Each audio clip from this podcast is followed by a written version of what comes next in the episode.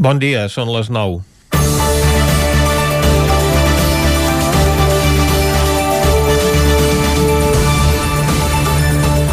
Crida de les autoritats a extremar la prudència a Osona els propers dies. Com ja us hem anat explicant, aquest any s'ha pogut salvar el Mercat del Ram amb un programa de mínims, però tant la seva celebració com les activitats pròpies de Setmana Santa han generat preocupació, atesa la situació epidemiològica a la comarca i la por que es torni a descontrolar.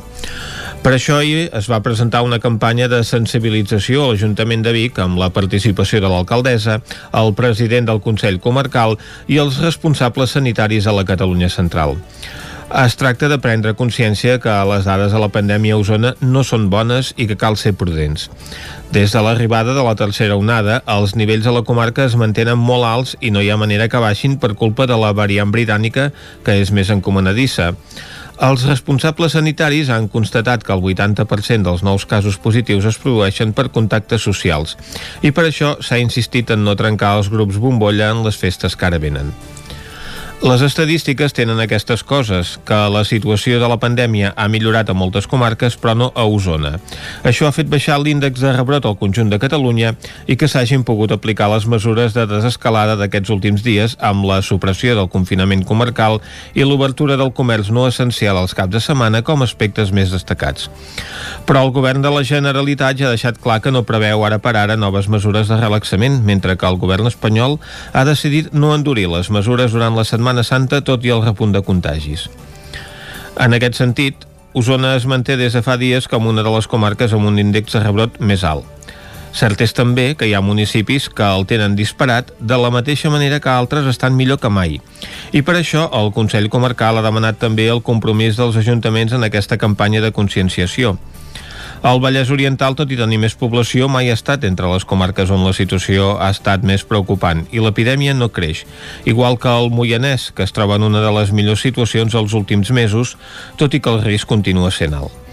De nou, cal seguir de prop la situació del Ripollès, on les xifres tornen a pujar perillosament i ara mateix cada infectat en contagia dos més, de manera que el seu risc de rebrot supera el d'Osona. Ja ens explicava la setmana passada al programa el gerent de l'Hospital de Can de Bànol la seva preocupació per l'arribada de visitants i el fet que no fessin les coses com calia. Joan Graner es va remetre al precedent del pont de la Puríssima, que va obligar a confinar perimetralment la comarca durant les festes de Nadal. I ho atribuïa a la presència del turisme interior perquè a la Cerdanya havia passat exactament el mateix. I ara sembla que hi tornem a ser, de manera que caldrà estar molt atents i mantenir la prudència que ens demanen. Comencem Territori 17, a la sintonia del 9 FM, Ona Codinenca, Ràdio Cardedeu, La Veu de Sant Joan i el 9 TV. Territori 17, amb Vicenç Vigues i Jordi Sunyer.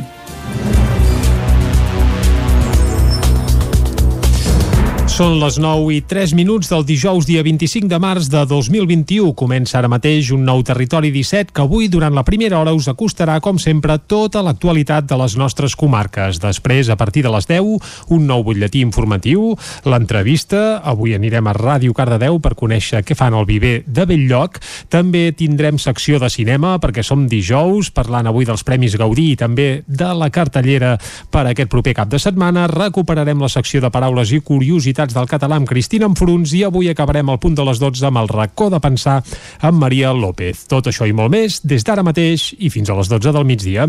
I com sempre el que farem ara és arrencar tot fent un repàs a l'actualitat de les nostres comarques, les comarques del Ripollès, Osona, el Moianès i el Vallès Oriental.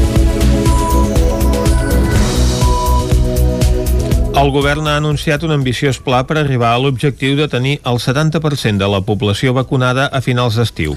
La campanya de vacunació s'intensificarà després de Setmana Santa i s'habilitaran grans espais a diferents punts de, de, del Principat per fer vacunacions massives. Estan cridats a vacunar-se tots els majors de 15 anys. L'objectiu és tenir un 30% de la població immunitzada al juny i un 70% a finals d'estiu, sempre que arribin les dosis amb les quals s'han fet els càlculs. Ho explicaven aquest dimecres Pere Aragonès, vicepresident del govern en funcions, de, de president i Josep Maria Argimon, secretari de Salut Pública. El sentim a tots dos. L'objectiu és ambiciós, però estem a punt i ho tenim tot a punt per poder-ho assolir. El sistema de salut del nostre país ordinàriament ja disposa de la capacitat per vacunar a 200.000 persones cada setmana, com es ve fent a la campanya de la vacuna de la grip. I quan s'acceleri l'arribada de vacunes contra la Covid-19, que esperem que es pugui produir al llarg de les properes setmanes, ho tenim tot previst per arribar a subministrar 500.000 dosis setmanals. Quan començarà aquesta vacunació massiva? Estem, com sempre, depenent del número de vacunes que arribin i de les vacunes que arribin. Portem unes 12 setmanes, 11 setmanes de vacunació i cada setmana hi ha hagut un entrebanc. Cada setmana. Per tant, aquí no podem anar i fer moltes eh, previsions. Aquesta és la pura realitat. Pendents de l'arribada de les suficients dosis, la consellera de Salut en funcions, Alba Vergés, va avançar els punts especials que s'habilitaran al territori per accelerar el ritme de subministrament. El Com Nou o la Fira de Barcelona en són alguns exemples. A la resta del país està previst habilitar-ne més de 500, uns espais que han de permetre immunitzar fins a 500.000 persones cada setmana. La situació dels hospitals d'Osona s'ha complicat a la darrera setmana. Després de 5 setmanes de descens o estabilització de les xifres, el nombre d'ingressats s'ha tornat a disparar i ha augmentat en 17 persones en els darrers 7 dies. Dels 48 pacients que hi havia s'ha passat a 65. A l'Hospital Universitari de Vic l'augment ha estat de 9 pacients. N'hi havia 43 i ara són 52, dels quals 11 requereixen cures intensives. L'increment també es produeix a l'Hospital Universitari de la Santa Creu, que ara té 13 pacients ingressats, quan fa una setmana només eren 5. L'Hospital Sant Jaume de Manlleu continua sent de pacients amb la infecció activa. Pel que fa a les dades del Departament de Salut, ja gairebé es freguen els 17.000 contagis amb un augment de 400 positius en els darrers 7 dies. Pel que fa a les defuncions, la xifra augmenta en 5 persones.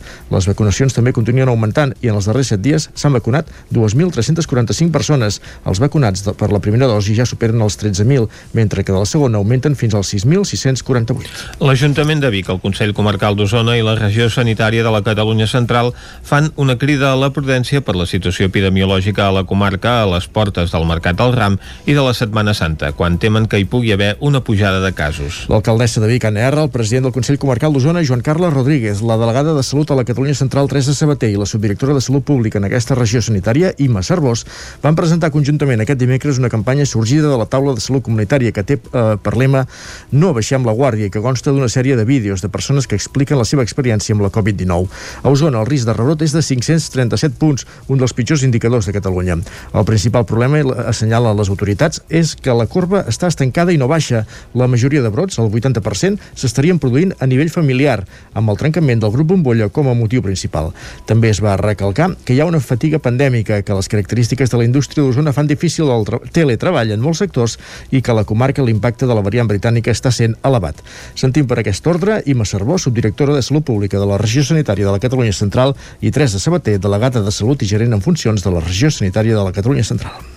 Aquest és el perill, trencar el grup bombolla, intentar socialitzar amb els familiars, amb els estimats, que en tenim moltíssimes ganes, però aquest és el perill. I per què afegim un altre perill al trencar aquesta bombolla? Doncs perquè a Osona, des de fa molts dies, estem dient que hi ha la soca britànica, la soca britànica s'ha confirmat que és més virulenta i és més contagiosa, que entenem que costa perquè portem més d'un any en aquesta situació i és complicat però nosaltres mateixos podrem veure que això no se'ns desmarxa a l'espera de tenir aquest bon resultat que esperem amb les vacunes i que ara hem tornat a, a, a, bueno, avui precisament s'ha tornat a obrir el Palau Firal del Sucre per tornar a vacunar com avançava Teresa Sabater, aquest dimecres a la tarda el recinte Firal del Sucre va reprendre la vacunació contra la Covid-19 amb el vaccí d'AstraZeneca que s'havia aturat de manera cautelar a l'espera d'aclarir la possible relació amb casos de trombosi. Amb l'ampliació de la franja d'edat s'avisa perquè hi acudeixin persones del col·lectiu de serveis essencials d'entre 60 i 65 anys i també la població general en aquesta franja d'edat. Caldes destina 115.000 euros a noves subvencions per comerç i serveis. És la segona convocatòria d'ajuts que impulsa el consistori. Caral Campàs, des d'Ona Codinenca. Des d'aquesta setmana, els negocis de Caldes es poden acollir a una nova partida de subvencions. L'Ajuntament destinarà 115.000 euros en ajuts que es dirigeixen a negocis creats abans del març de 2020 i que hagin estat afectats per les conseqüències de la Covid i les mesures de seguretat que se n'han derivat.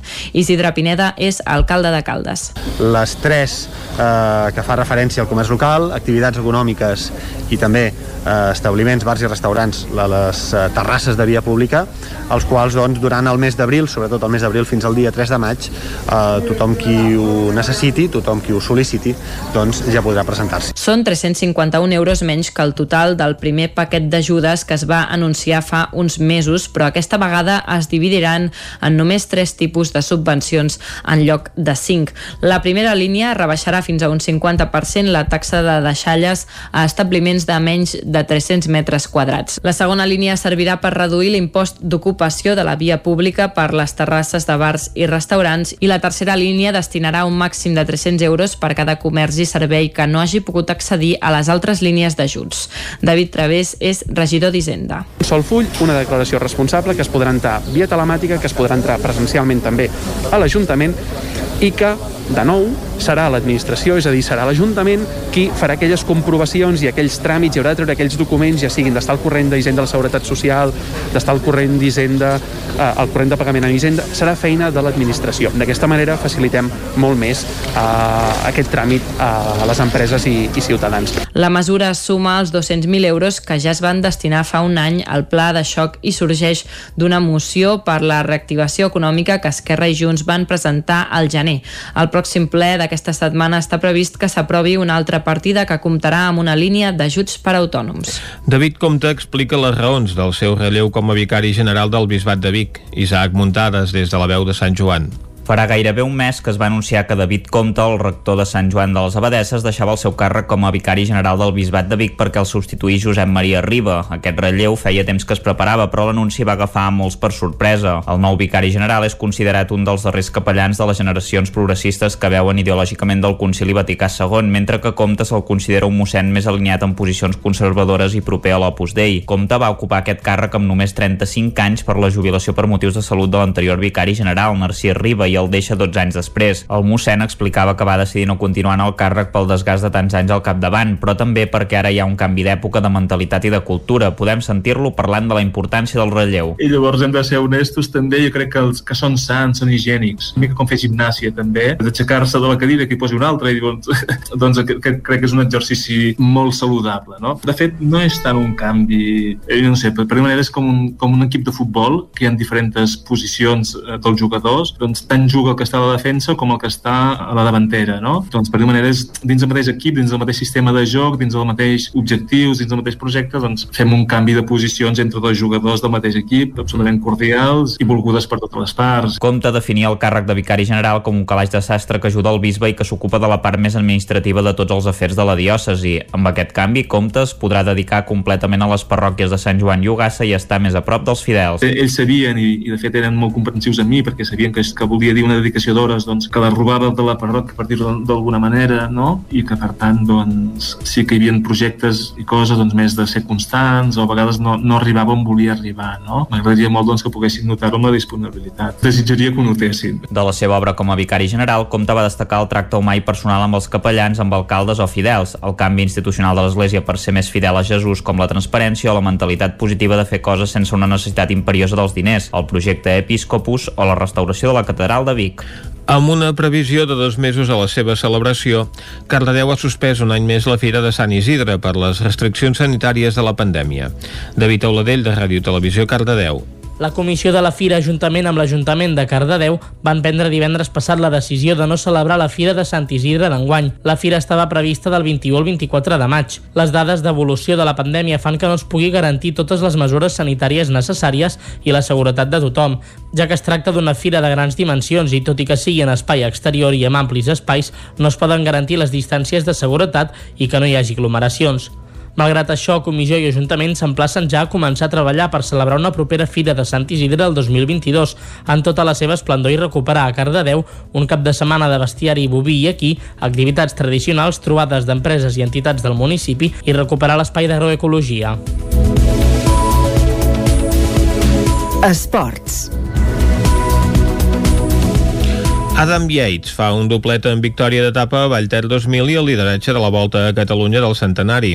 Isaac Muntades, des de la veu de Sant Joan. El ciclista britànic Adam Yates va ser el més fort de la tercera etapa de la Volta a Catalunya del Centenari en final a l'estació d'esquí de Vallter 2000, al terme municipal de Set Cases, i va fer doblet amb una victòria d'etapa incontestable i el lideratge de la prova. El corredor de l'equip Ineos Grenadiers, que ja havia guanyat a Vallter a la Volta de l'any 2019, va superar tots els rivals per la victòria amb autoritat. Com era previsible, tot es va decidir a la pujada a Vallter, un port mític del Ripollès de categoria especial d'11,7 km de distància al 7,5% de pendent mitjana. El murcià de l'equip Movistar, Alejandro Alejandro Valverde va atacar 9 quilòmetres i mig de la meta i va començar a dinamitar el grup. L'atac de Valverde va obligar a moure alguns dels galls, com Richard Carapaz, Dan Martin o Sepp Kuss. Tot i neutralitzar-lo, el veterà ciclista telefònic va tornar a atacar i es va formar un duet amb el seu excompany d'equip, Nairo Quintana, ara l'Arquea. Tot i brillar, Valverde va veure com Yates atacava amb força des del darrere i el va caçar amb el nord-americà Kuss a roda. D'aquest trio, Yates va demostrar ser el més fort, tot i un breu atac de Kuss. Al final, Valverde va acabar sent tercer per darrere del colombià Esteban Chaves, que va fer una bona embranzida final final. Abans de tot això, el pilot va haver de caçar una escapada amb nou corredors en què el jove de només 21 anys, Taimen Arensman, va ser el que va arribar més lluny. Ara mateix, Yates és líder amb 45 segons d'avantatge sobre l'australià i company d'equip Richie Port i 50 sobre el portuguès Joao Almeida, que fins avui era el líder i a la pujada s'ha hagut d'espavilar ell sol per aguantar amb el grup dels millors. L'etapa d'avui, que tenia 203 quilòmetres i començava al Canal Olímpic de Catalunya, ha estat la primera d'alta muntanya i que ha passat pel Ripollès, concretament per les poblacions de Ripoll, Sant Joan de les Abadesses, Sant Pau de Segúries, Camprodon, Llanàs, Vilallonga de Ter i Set Cases. El pilot també va passar per algunes poblacions d'Osona com Perafita. Aquest dijous es disputarà la segona etapa amb protagonisme del Ripollès, ja que aquesta comença a Ripoll. Els ciclistes, que hauran de recórrer 166 quilòmetres, començaran la quarta etapa a la zona de la Devesa del Pla fins al centre de la vila amb una sortida neutralitzada i tot seguit enfilaran cap a Camp de Bànol, Ribes de Freser, Planoles i ascendiran al port de Toses de primera categoria. Després ja sortiran del Ripollès per endinsar-se a la Cerdanya i la creuaran fins a la Seu d'Urgell. A partir d'aquí, els ciclistes pujaran al port del Cantó de categoria especial i acabaran l'etapa a dalt de Porta Iné, també de categoria especial.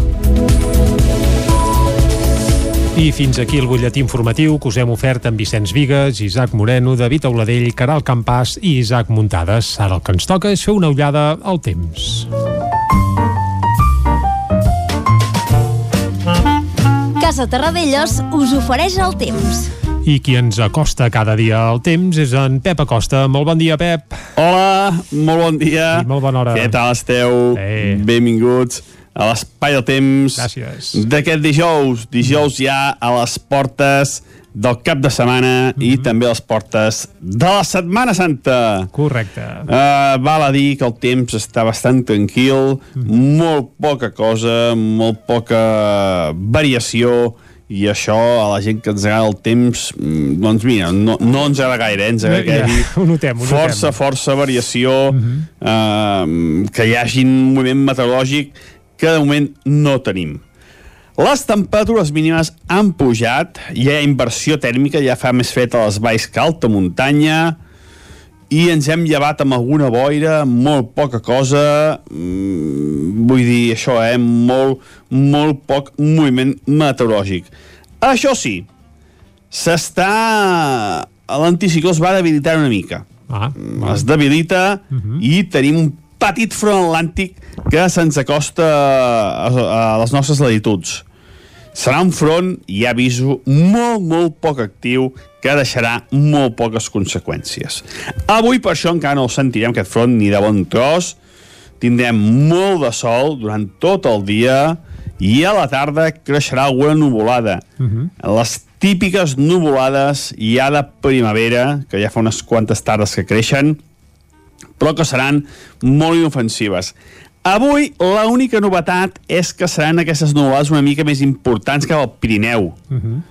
Uh, hi ha una mica més de, Sí no, molt poca, eh, molt poca. Uh -huh. Aquest aire fred, uh, aquest front fred està una mica més a prop, una mica més d'inestabilitat. També fa més calor ja al migdia, comença a fer una mica més de calor, i això fa que els núvols puguin créixer amb una mica més de força a les tardes. No hi haurà cap precipitació, però això Ah, sí que quedarà el cel mig ennuvolat cap, a, cap al Pirineu, eh? Uh, També creixen núvols, Però no plourà. cap a les Guilleries, cap a Montseny, però mm, no deixaran tampoc cap mena de precipitació. Núvols per fer bonic, mm. núvols que tenen molt poca energia, uh, núvols amb molt poques condicions favorables perquè hi hagi precipitacions, per tant, molta, molta tranquil·litat. Unes temperatures màximes molt semblants a les d'ahir, mm, la majoria de valors entre els 17 i els 20 graus. Uh, no crec que superem a les nostres comarques els 20 graus a cap localitat. Mm, S'hi acostaran, poder 20 graus sí que, que el tindrem, però més de 20 ja més complicat. Mm. I la majoria, com deia, eh, de 17 a 20 graus, temperatures bastant homogènies, molt semblants a tots els nostres pobles i ciutats. Uh, I això és tot, mm, a disfrutar del dia, mm -hmm. un dia amb molt tranquil·litat, uh, amb anticicló i amb unes temperatures molt, molt suaus, uh, típiques uh, de l'època de l'any, eh? no tenim ni valors ni per sobre ni per sota molt destacats, són valors molt, molt normals perquè fa l'època de l'any. Uh, estem tenint un clima, uh, un temps uh, que de moment la, a, compleix el que hauria de ser aquests dies. No, no tenim allò grans, grans, eh, grans moviments de temperatures molt per amunt, molt per amunt o molt per avall, per tant, uns valors molt, molt normals. Sí que hauria de poder ploure una mica més, veurem els pròxims dies si, si sembla que hi ha algun canvi. La primavera és una època de, de pluja, mm. aviam què passa els pròxims dies, però moment, com deia, hi ha molta tranquil·litat. Moltes gràcies i fins demà. Adeu. Doncs vinga, Pep, moltes gràcies a tu. Et trucarem més tard perquè ens actualitzis la informació del temps. Ara nosaltres el que ens toca és anar cap al quiosc. Casa Tarradellas us ha ofert aquest espai. Territori 17 Arriba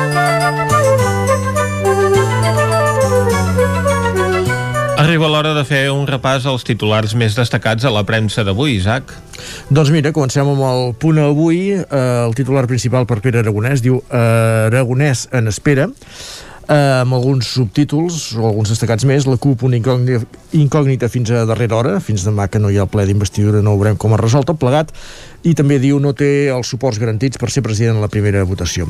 La fotografia, però, no és per Pere Aragonès, és per Joan Josep Noet, que ahir declarava al Tribunal Suprem. Noet es defensa al Tribunal Suprem, pressió policial als diputats que es van concentrar per donar-li suport, diu. Mm -hmm era un dels membres de la mesa del Parlament que, per qui faltava encara el judici uh, més qüestions uh, en l'àmbit esportiu, un gran Barça en la Champions femenina, va guanyar 3-0 perdó, al Manchester City i represa intensa de la vacunació a la franja d'entre 60 i 65 anys també Aznar i Rajoy fan l'orni sobre la caixa B del PP Uh, Lara, Borràs proposa Aragonès amb la investidura a l'aire. Diu, Esquerra i Junts per Catalunya negocien reformular el Consell per la República a l'espera de pactar el govern. Aquí la fotografia és per eh, Noma, la malaltia que devora rostres. Una persona malalta d'un hospital de Metges Sense Fronteres a Nigèria és un dels pocs centres al món especialitzat en aquesta infecció que afecta els infants. Doncs és el reportatge o que destaca avui a la portada del diari Ara. Sobre la pandèmia, també la població d'entre 66 i 79 anys en terra de ningú en la vacunació i la Unió Europea qüestiona AstraZeneca per amagar 30 milions de dosis a Itàlia. També descobert un dels secrets més ocults dels forats negres. A l'avantguàrdia, eh, milers de catalans amb cita per vacunar-se sense que Salut els truqui. Merkel demana perdó i revoca el tancament d'U Itàlia evita la desviació de milions de dosis d'AstraZeneca. La fotografia de portada és per la declaració ahir d'Aznar i Rajoy. Aznar des del despatx a casa seva i amb mascareta. La caixa B del PP és un deliri de Bárcenas. És la cita que posen sota aquesta fotografia dels dos exmandataris del Partit Popular. També Aragonès afronta demà la investidura encara sense tenir els suports garantits i Macron adverteix que Turquia interferirà en les eleccions franceses. Aznar i Rajoy també apareixen a la portada del país. Amb ell iniciem el recorregut per la premsa madrilenya. Abans farem el periòdico. Doncs fem el periòdico, sí senyor. Avui han canviat l'ordre. Això ho veig.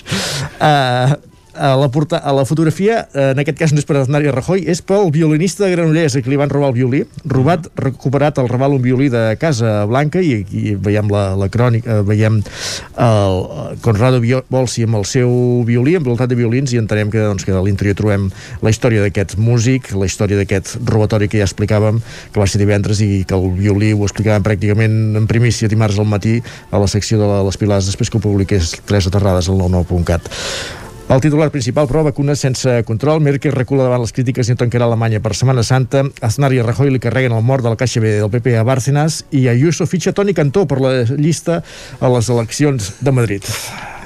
Bé, ja, per està, és volent fer ja, comèdia. ja està tot dit. Per cert, ho vam endevinar, eh? perquè vam apuntar aquest xicot eh, d'aquí 4 o 5 dies s'apunta algun altre invent, algun altre partit segur. Oita, ha tardat 3 dies. Després d'acabar amb UPyD i amb Ciudadanos, doncs mira, ara cap al PP. Aviam com acaba. Anem a Madrid, ara sí. El país, eh, com deies molt bé Vicenç, Aznar i Rajoy amb foto de carrer pràcticament a la part alta de la portada, Aznar y Rajoy niegan la caja que funcionó 19 años en el PP, també eh, una fotografía per el megabuque encallado bloquea el canal de Suez, la Unión Europea endurece la exportación de vacunas en pleno pulso con AstraZeneca. Al mundo, fotografia Uh, per Pablo Iglesias. Diu, del sí se puede al no se pudo la crònica que signa Lucía Méndez. El, la CEPI vio fundamental el informe de Ábalos para rescatar a Plus Ultra el PP avanza el fichaje de Tony Cantó para Ayuso, pero Ayuso no lo confirma. Aznar y Rajoy niegan taxativamente haber oído hablar de la caja B del PP. A l'ABC la portada és per un altre protagonista del dia, una menor, no sé si, no sé si tenen els drets, La princesa en el reino de las palabras. Sí, princesa en el reino de las palabras. La princesa Leonor ayer en el momento en el Instituto de Cervantes acompañada de Carmen Calvo. Doña Leonor acude a su primer acto en solitario en el 30 aniversario del Instituto Cervantes. També altre titular destacat a l'ABC Ayuso fitxa Cantó per a la lista del PP al 4M. I també és la mateixa protagonista de la fotografia de la portada de La Razón. Leonor, presente y futuro, la princesa de Asturias se estrena en su primer acto en solitario en el Instituto Cervantes. El titular principal, però, és Sánchez relega a Ferraz del 4M, 4M tras el fiasco de Murcia i Puigdemont dinamita la investidura de Aragonés en la recta final. Junts per Cat da por hecho su rechazo a Esquerra y Borràs impide que ella sea candidato. Doncs la notícia del dia és aquest eh, fitxatge de Toni Cantó per la llista d'Isabel Díaz Ayuso mm. a la Comunitat de Madrid. Sembla bé, un fitxatge com si fos, doncs no sé, el de l'Mbappé, per exemple. Eh, home, home. jo m'imagino el despatx d'ells dos i ja els gags de Polònia sortirien sols. Sí. És que... L'actor ja li tenim. O, o, o presumpte actor. Clar, en teoria han de ser bons, eh, per ser el Polònia els actors, però bé, cadascú contra gustos.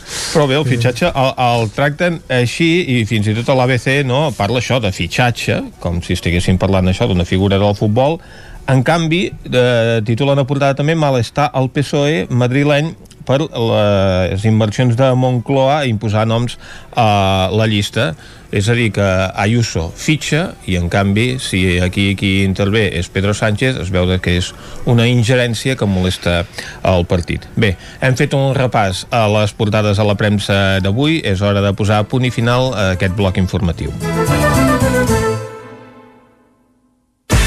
El nou FM, la ràdio de casa, al 92.8 biguetans i gent dels voltants, Mercat del Ram, pandèmia. Eh, que ho veieu que no funciona? No ens podem permetre aquelles aglomeracions per anar a veure l'últim model de cossechadora. Però pots venir al Parc Jaume Balmes on hi trobaràs productes alimentaris de la comarca i a la Fira d'Artesania. Mercat del Ram, 26, 27 i 28 de març. Per a més informació, descarrega't l'app del Mercat i consulta les activitats i els horaris. Pepeta Vilaró, menjar a domicili per a gent gran. Menús saludables i adaptats segons les seves necessitats. Per viure més temps a casa amb millor salut i qualitat de vida. Informa-te'n al 931 31 71 81 o a papetavilaró.cat. Papeta Vilaró, la salut i el benestar dels nostres avis comença per cuidar el que mengen. Vols gaudir d'un bon arròs a casa sense no haver d'embrutar ni preocupar-te per res? La Fogonera, paelles per emportar. Un seguit de paelles, tapes, platets i postres casolans pensats per a paladars exigents. Ara més, fem menús per a petits grups de comensals. La Fogonera, la rosseria de paelles per emportar GURB i que també et portem a casa. Telèfon 93 851 55 75 i a lafogonera.cat. I quan cau la nit, Pupurri Culinari, solucions per sopar les nits de divendres i dissabte. Entra a pupurriculinari.cat i tria. A Vic, T52, un taller d'emocions. Una celebració, un reconeixement, un record, la victòria, el premi. Tenim una solució personalitzada per a cada ocasió. Ens trobaràs al centre, al carrer 941 i també a l'Horta Vermella, al carrer Menéndez Pelayo 31. Més informació a t52.cat. Passema, comercial de maquinària i utillatges amb més de 50 anys al vostre servei. Visiteu la nostra botiga i trobareu productes de gran qualitat. Passema, som al polígon Sot dels Pradals, al carrer Cervera 10 de Vic. Telèfon 93 885 32 51. Passema us desitja un bon mercat del ram.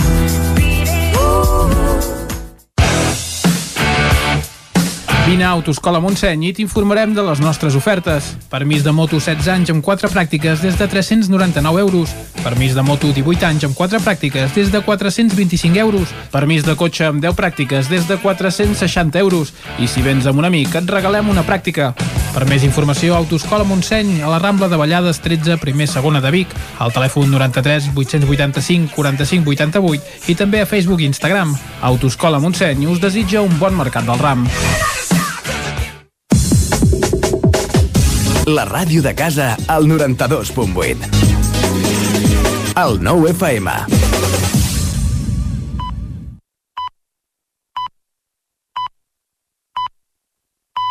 Territori 17, amb Vicenç Vigues i Jordi Sunyer. Dos quarts de deu en punt d'avui dijous, dia 25 de març de 2021. Seguim en directe aquí a Territori 17 i de seguida us acostarem de nou tota l'actualitat de les nostres comarques. Després, a partir de les 10, nou butlletí informatiu, entrevista, avui per conèixer el viver de Belllloc de Cardedeu. També som dijous, per tant, anirem al cinema amb la Núria Lázaro, recuperarem la secció de paraules i curiositats del català amb Cristina Enfruns i acabarem al punt de les 12 amb el racó de pensar amb Maria López. Pel camí també anirem a Camprodon Camprodon, al Descobrint Catalunya, i a la R3, com sempre, a la trenc d'Alba. Ara, però, el que ens toca és seguir tot acostant-vos de nou l'actualitat de les nostres comarques, les comarques del Ripollès, Osona, el Moianès i el Vallès Oriental. El govern ha anunciat un ambiciós pla per arribar a l'objectiu de tenir el 70% de la població vacunada a finals d'estiu.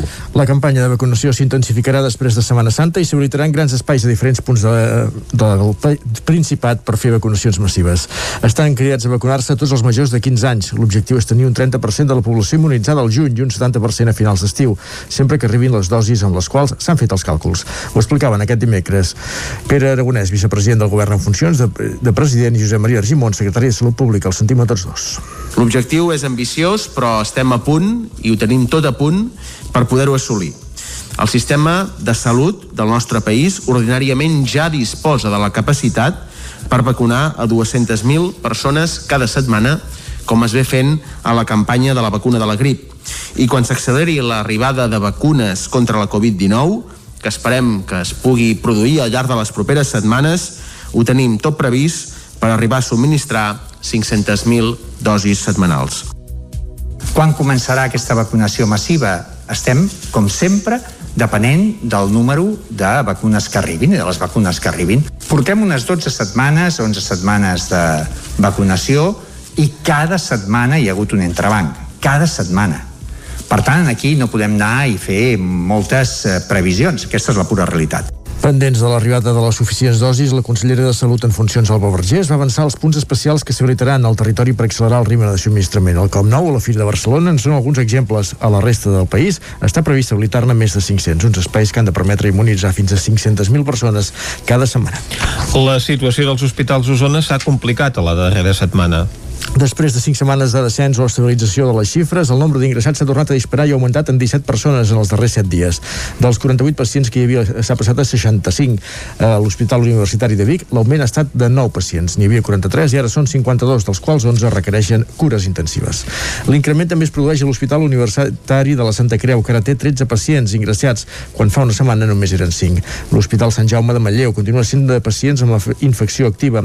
Pel que fa a les dades del Departament de Salut, ja gairebé es freguen els 17.000 contagis amb un augment de 400 positius en els darrers 7 dies. Pel que fa a les defuncions, la xifra augmenta en 5 persones.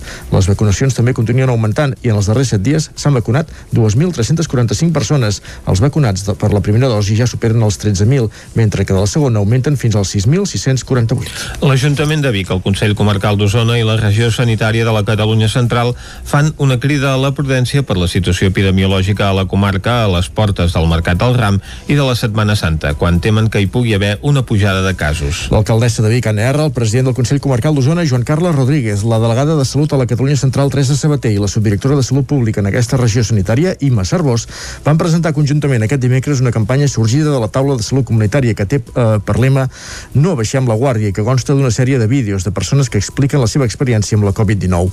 A Osona, el risc de rebrot és de 537 punts, un dels pitjors indicadors de Catalunya. El principal problema, assenyalen les autoritats, és que la corba està estancada i no baixa. La majoria de brots, el 80%, s'estarien produint a nivell familiar, amb el trencament del grup bombolla com a motiu principal. També es va recalcar que hi ha una fatiga pandèmica, que les característiques de la indústria d'Osona fan difícil el teletreball en molts sectors i que a la comarca l'impacte de la variant britànica està sent elevat.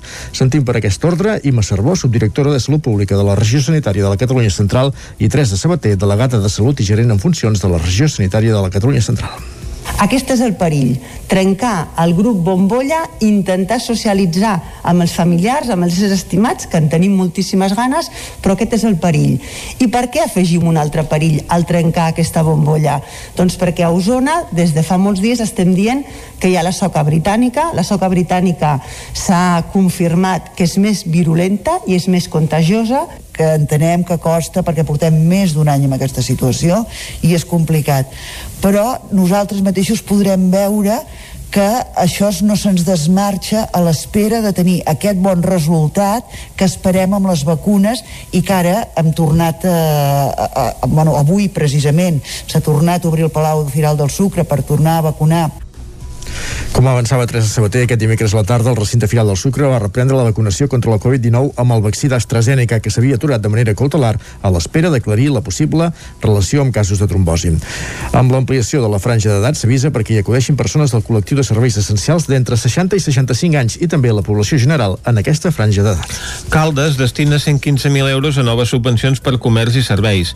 És la segona convocatòria d'ajuts que impulsa el consistori. Caral Campàs, des d'Ona Codinenca. Des d'aquesta setmana, els negocis de Caldes es poden acollir a una nova partida de subvencions. L'Ajuntament destinarà 115.000 euros en ajuts que es dirigeixen a negocis creats abans del març de 2020 i que hagin estat afectats per les conseqüències de la Covid i les mesures de seguretat que se n'han derivat. Isidre Pineda és alcalde de Caldes. Les tres eh, que fa referència al comerç local, activitats econòmiques i també eh, establiments, bars i restaurants, les eh, terrasses de via pública, els els quals doncs, durant el mes d'abril, sobretot el mes d'abril fins al dia 3 de maig, eh, tothom qui ho necessiti, tothom qui ho sol·liciti, doncs ja podrà presentar-se. Són 351 euros menys que el total del primer paquet d'ajudes que es va anunciar fa uns mesos, però aquesta vegada es dividiran en només tres tipus de subvencions en lloc de cinc.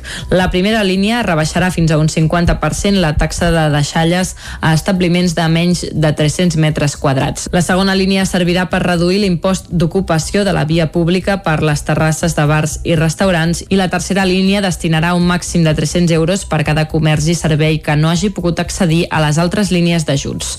David Través és regidor d'Hisenda. Sol full, una declaració responsable que es podrà entrar via telemàtica, que es podrà entrar presencialment també a l'Ajuntament i que, de nou, serà l'administració, és a dir, serà l'Ajuntament qui farà aquelles comprovacions i aquells tràmits i haurà de treure aquells documents, ja siguin d'estar al corrent d'Hisenda de la Seguretat Social, d'estar al corrent d'Hisenda, eh, al corrent de pagament en Hisenda, serà feina de l'administració. D'aquesta manera facilitem molt més eh, aquest tràmit a les empreses i, i ciutadans. La mesura suma els 200.000 euros que ja es van destinar fa un any al pla de xoc i sorgeix d'una moció per la reactivació econòmica que Esquerra i Junts van presentar al gener.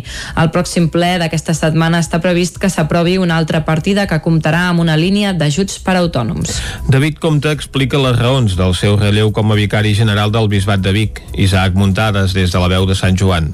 Farà gairebé un mes que es va anunciar que David Comte, el rector de Sant Joan de les Abadesses, deixava el seu càrrec com a vicari general del Bisbat de Vic perquè el substituís Josep Maria Riba. Aquest relleu feia temps que es preparava, però l'anunci va agafar a molts per sorpresa. El nou vicari general és considerat un dels darrers capellans de les generacions progressistes que veuen ideològicament del Concili Vaticà II, mentre que Comte se'l considera un mossèn més alineat en posicions conservadores i proper a l'Opus Dei. Comte va ocupar aquest càrrec amb només 35 anys per la jubilació per motius de salut de l'anterior vicari general, Narcís Riba, i el deixa 12 anys després. El mossèn explicava que va decidir no continuar en el càrrec pel desgast de tants anys al capdavant, però també perquè ara hi ha un canvi d'època de mentalitat i de cultura. Podem sentir-lo parlant de la importància del relleu. I llavors hem de ser honestos també, jo crec que els que són sants, són higiènics, una mica com fer gimnàsia també, d'aixecar-se de la cadira que hi posi una altra i doncs, doncs que, crec que és un exercici molt saludable, no? De fet, no és tant un canvi, eh, no sé, per, per manera és com un, com un equip de futbol que hi ha diferents posicions eh, dels jugadors, doncs tan tant juga el que està a la defensa com el que està a la davantera, no? Doncs, per dir manera, és dins del mateix equip, dins del mateix sistema de joc, dins del mateix objectius, dins del mateix projecte, doncs fem un canvi de posicions entre dos jugadors del mateix equip, absolutament cordials i volgudes per totes les parts. Compte definir el càrrec de vicari general com un calaix de sastre que ajuda el bisbe i que s'ocupa de la part més administrativa de tots els afers de la diòcesi. Amb aquest canvi, Comtes podrà dedicar completament a les parròquies de Sant Joan i i estar més a prop dels fidels. Eh, Ells sabien, i, i de fet eren molt comprensius amb mi, perquè sabien que, que volia dir una dedicació d'hores doncs, que la robava de la parròquia, per dir-ho d'alguna manera, no? i que per tant doncs, sí que hi havia projectes i coses doncs, més de ser constants, o a vegades no, no arribava on volia arribar. No? M'agradaria molt doncs, que poguessin notar-ho amb la disponibilitat. Desitjaria que ho notessin. De la seva obra com a vicari general, Comte va destacar el tracte humà i personal amb els capellans, amb alcaldes o fidels, el canvi institucional de l'Església per ser més fidel a Jesús com la transparència o la mentalitat positiva de fer coses sense una necessitat imperiosa dels diners, el projecte Episcopus o la restauració de la catedral de Vic. Amb una previsió de dos mesos a la seva celebració, Cardedeu ha suspès un any més la Fira de Sant Isidre per les restriccions sanitàries de la pandèmia. David Auladell, de Ràdio Televisió, Cardedeu. La comissió de la Fira, juntament amb l'Ajuntament de Cardedeu, van prendre divendres passat la decisió de no celebrar la Fira de Sant Isidre d'enguany. La Fira estava prevista del 21 al 24 de maig. Les dades d'evolució de la pandèmia fan que no es pugui garantir totes les mesures sanitàries necessàries i la seguretat de tothom, ja que es tracta d'una fira de grans dimensions i tot i que sigui en espai exterior i amb amplis espais, no es poden garantir les distàncies de seguretat i que no hi hagi aglomeracions. Malgrat això, Comissió i Ajuntament s'emplacen ja a començar a treballar per celebrar una propera Fira de Sant Isidre el 2022 en tota la seva esplendor i recuperar a Cardedeu un cap de setmana de bestiari boví i aquí, activitats tradicionals, trobades d'empreses i entitats del municipi i recuperar l'espai d'agroecologia. Esports. Adam Yates fa un doblet en victòria d'etapa a Vallter 2000 i el lideratge de la Volta a Catalunya del Centenari.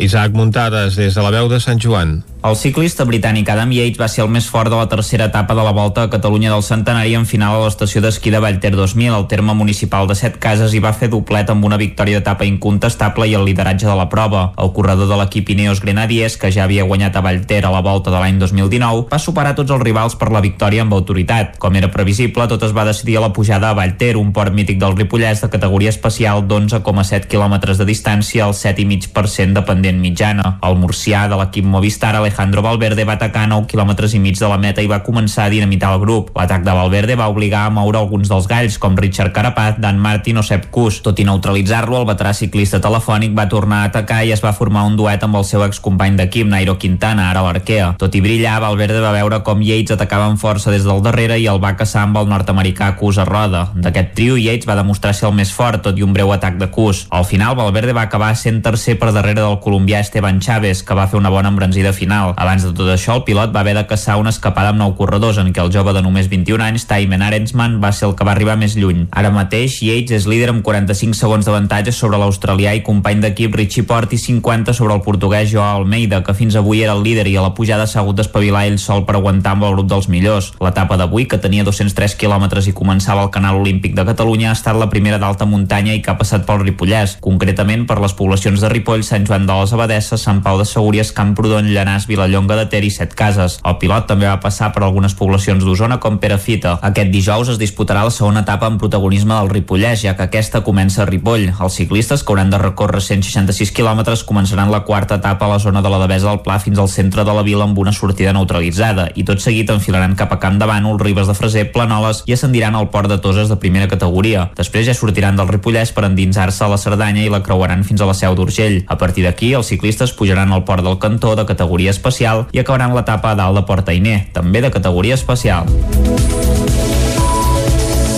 I fins aquí el butlletí informatiu que us hem ofert amb Vicenç Vigues, Isaac Moreno, David Auladell, Caral Campàs i Isaac Muntades. Ara el que ens toca és fer una ullada al temps.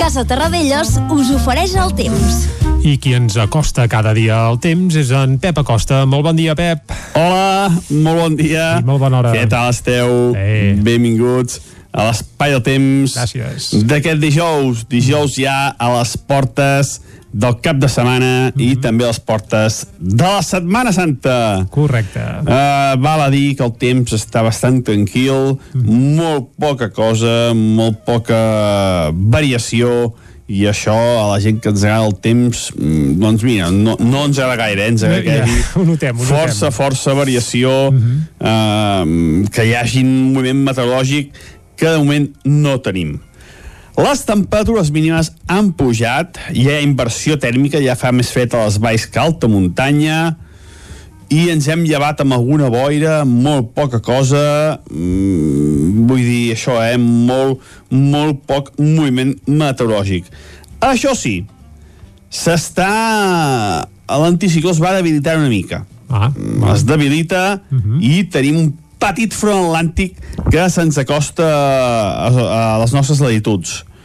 Serà un front, ja aviso, molt, molt poc actiu que deixarà molt poques conseqüències. Avui, per això, encara no el sentirem, aquest front, ni de bon tros. Tindrem molt de sol durant tot el dia i a la tarda creixerà alguna nuvolada. Les típiques nuvolades ja de primavera, que ja fa unes quantes tardes que creixen, però que seran molt inofensives. Avui l'única novetat és que seran aquestes nuvolades una mica més importants que al Pirineu. Uh -huh. Uh, hi ha una mica més de d'estabilitat, sí no? molt poca, eh? molt poca. Uh -huh. Aquest aire fred, uh, aquest front fred està una mica més a prop, una mica més d'inestabilitat. També fa més calor ja al migdia, quan se fa una mica més de calor, i això fa que els núvols puguin créixer amb una mica més de força a les tardes. No hi haurà cap precipitació, però això Ah, sí que quedarà el cel mig ennuvolat cap, a, cap al Pirineu, eh? Uh, També creixen núvols, Però no plourà. cap a les Guilleries, cap a Montseny, però mm, no deixaran tampoc cap mena de precipitació. Núvols per fer bonic, mm. núvols que tenen molt poca energia, uh, núvols amb molt poques condicions favorables perquè hi hagi precipitacions, per tant, molta, molta tranquil·litat. Unes temperatures màximes molt semblants a les d'ahir, mm, la majoria de valors entre els 17 i els 20 graus. Uh, no crec que superem a les nostres comarques els 20 graus a cap localitat. Mm, S'hi acostaran, poder 20 graus sí que, que el tindrem, però més de 20 ja més complicat. Mm. I la majoria, com deia, eh, de 17 a 20 graus, temperatures bastant homogènies, molt semblants a tots els nostres pobles i ciutats. Uh, I això és tot, mm, a disfrutar del dia, un dia amb molta tranquil·litat, uh, amb anticicló i amb unes temperatures molt, molt suaus, uh, típiques uh, de l'època de l'any, eh? no tenim ni valors ni per sobre ni per sota molt destacats, són valors molt, molt normals perquè fa l'època de l'any. Uh, estem tenint un clima, uh, un temps uh, que de moment la- a- a- compleix el que hauria de ser aquests dies. No, no tenim allò grans, grans, eh, grans moviments de temperatures molt per amunt, molt per amunt o molt per avall, per tant, uns valors molt, molt normals. Sí que hauria de poder ploure una mica més, veurem els pròxims dies si, si mm, sembla que hi ha algun canvi. La primavera és una època de, de pluja, mm. aviam què passa els pròxims dies, però moment, com deia, hi ha molta tranquil·litat. Moltes gràcies i fins demà. Adeu. Doncs vinga, Pep, moltes gràcies a tu. Et trucarem més tard perquè ens actualitzis la informació del temps. Ara nosaltres el que ens toca és anar cap al quiosc. Casa Tarradellas us ha ofert aquest espai. Territori 17